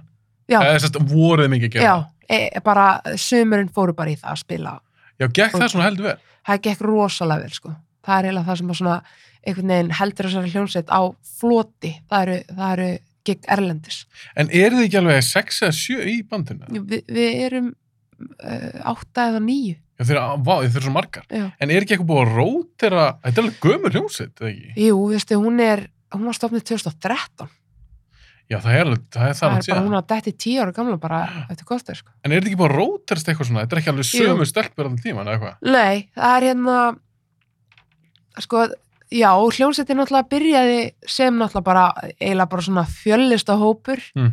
fullt af stelpjum sem að voru með alls konar tegundir af list Já. og náði einhvern veginn bara að gera þannig þetta var bara svona klan, Mm. skilur Já. og síðan bara með tímanum þá náttúrulega bara fór að siktast út þeir sem að kannski í raunverulega höfðu áhuga á uh, því að gera hip-hop tónlist Já. að því að uh, sko loka markmið hjá hljónsveitinni var að verða hip-hop band Já. og síðan alltaf voru bara fullt af stelpumanna sem að þú veist, eru bara ókislega flinkar í öðru sem eru bara leikarar í dag eða gera eitthvað allt annað Já, já, ég skilu. Já, og þær sem að sita eftir núna eru náttúrulega þær sem voru í bandinu frá upphæfi Já.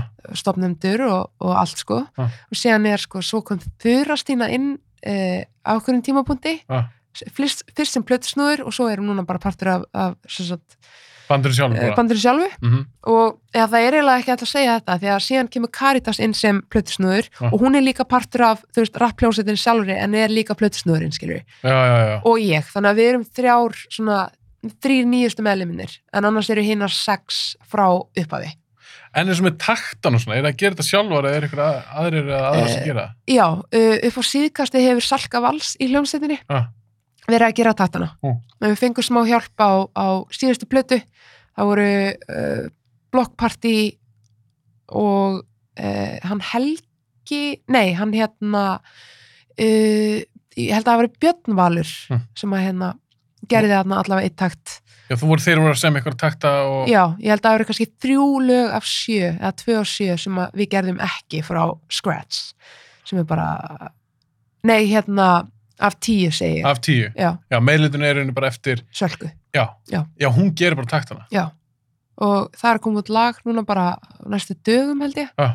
Eh, það er alfarið, þú veist, pródúserað af henni og útsett og takturinn gerður af henni og allt svolítið, en hún er líka mér óslega góðan bakgrunn í þessu Þannig að- Kannilega, kann þetta. já, og uh, þú veist, geðveikt að hafa pródúser í hópnum Mm af því að það er stundum alveg langsótt að þurfa að fara að sækja bít, einhvert annað sem allir fíla þú veist, Það er best náttúrulega að hafa þetta, Já. myndi ég halda, í sjálfum hópnum. algjörlega og geta bara adjusta þetta bara upp í bústað saman, bara, Já. nei, fíla þetta ekki gerum þetta svona, Mm í staðins að við erum að fá bít frá einhverjum uh, einhverjum dúta Mhm. eða dútu og síðan bara, nei, fílum þetta ekki og þú veist, það þarf að gera þess að þessa breytingar þá er komið svona þriði aðili Já. það er orðið vesen, Já. þetta er mjög þægilegt þannig að ég reikna með að sem sagt, uh, næsta plata hún verði samt svolítið svona frjálslindari Ah.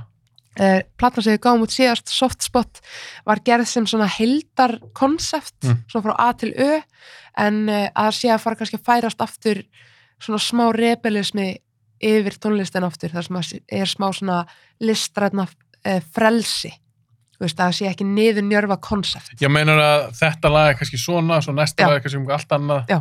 Já. og þú veist, uh, sumir eru á þessu lagi og kannski eru bara þrýr á þessu lagi Mm þannig að vera svolítið, en ekki það að hljómsveitin hefur náttúrulega, ég alltaf verið þannig, ég er til dæmis ekkert í nýjasta læginu, þannig að En að því þeir eru svo margar, er það kostur að galli? það, ég myndi segja að sela bara alltaf kostur, Já. þú veist, af því að það gæti verið galli ef við værum ekki svona góða vinkunur, Já, því er alltaf vingunum. alveg Já, bara, já, við já. erum bara bestu vinkunur, þannig að ef þetta væri, sem sagt, eh, þetta væri vesen ef við værum ekki einmitt svona nánar, sko, Já, þið eru raun, þetta er ekki bara hópur og stelpum að búið til tónlistan, þið Nei. eru vinkonur Já. að skapa eitthvað saman. Já. Já, það er alltaf skemmtilegast. það er fegurinn á baku þessar hljómsveit sko. Já. þetta er bara stór vinkonuhópur sem fær bara að ferðast saman og gera tónlist og eh, Draumurinn, draumurinn ef fyrir tónlistfólk myndi ég halda. alveg gjörsamlega sko. En hvert er það að pæli að fara? Þú veist, segjum bara þetta COVID-dótt verður allt búið og þið Mhm. getur fara að gigga bara allstaðar. já, Er eitthvað svona land sem þið farið helst til? Er það innan Evrópu? Er það frá til Bandaríkjana? við, fyr, við verðum allavega í, við, við erum með staðfyrstgik á næsta ári í bandaríkjanum Ok, uh, ætlum að reyna að búa til kannski bara smá bandaríkja túr á bak við það, kannski vikulanga túr eða eitthvað svo leis, mm þar sem við getum bara ferðast um bara á rútu eða eitthvað svo leis en síðan er bara, það er verið að bóka okkur rosalega víða í Európi, ég held sem ég er búin að spila í 20 mismunandi löndum, þannig að eh, þetta er yfirleitt, þú veist uh, já, innan Európu, við höfum spilað í Kanada, ah, síðan verðum við bandaríkjum næst ári, en annars er þetta svona vítt og dreift á tónleikafestivalum í Európu. En svo ætlum við líka að reyna að fylgja þá næstu plötu eftir bara með einhverjum headline tour sem að verður þá stiltur upp kannski bara, þú veist, það er, það er England og það er Norður og það er Tjekkland og eitthvað svona skilur, bara það svona Fyrir COVID voruð þið kannski að spila meira útildin en heima það? já, við höfum bara eiginlega, þú veist, við spilum eiginlega aldrei heima, nema á Iceland Airwaves, Annars er þið bara mest út. Sonar, já, spilum ekki til það heima, sko. Gekkið samt að heyra hvað ykkur gengur vel. já, bara gengur ókslega vel og við erum bara uh, að drepast og grettu að komast að spila aftur út í heimi, spilum ekkert í fyrra eiginlega ekkert á þessu ári þú veist, við erum núna að fara að spila eitthvað smá mm. Mm það er innibúkinn og airwaves og eitthvað svona -hmm. svo verðum við náttúrulega bara að keira þetta á fullt bara 22 Það verður- Þannig. Ég bind mikla vonum við það ár, já, ég og svona líka almennt. Loka spurning. Já. Hvort líður þér betur, ef þú ert rappari, tónlistakonar, hvort líður þér betur í stúdíu eða upp á sviði? upp á sviði það er geðveikt sko. Að- fin- Finnst þér þú vera betri rappar på sviði en stúdíu? já, í Er raun og það? veru, já Ok. það er, hérna, það er svo hérna, það er svo áreynslu löst Og færið svolítið svona, kannski orku frá fólkinu? rosalega orku sko Ah. þess vegna skiptir það svo rosalega miklu máli uh, að ná fólkinu strax Mm -hmm. og við eiginlega gerum það þannig með því að byrja tónleikana á einhvers konar svona með einhverjum krafti þannig að fólk fái strax einhvern veginn skilur orkuna frá okkur Mm -hmm. og við finnum þá orkuna frá þeim og þannig eiginlega bara þú veist, komist við í gegnum heilt gig með því að uh, vita það að, að salurinn sé með okkur skilur Til sakna þess að vera tónleika maður. já, Þú ert að tala með því, ég bara, að ég sakna þess að vera tónleika. það er svo gaman sko þetta, þetta er búið að vera svo erfitt að spila ekki neitt og okkur finnst svona eins og við séum svona að missa einhvern veginn tökin, þú veist, einhvern veginn á þessu en ég held að flestir tónlistamenn séu kannski búin að upplega sér svolítið svo leis Pottet. þannig að þú veist, núna er þetta einhvern veginn allt bara að koma tilbaka loksins Ég er spenntur fyrir framhaldinu. já, Takk hjá að vera að koma. já, Takk. takk fyrir að fá mig, þetta var bara skemmtilegt Þetta var reyngilega skemmtilegt.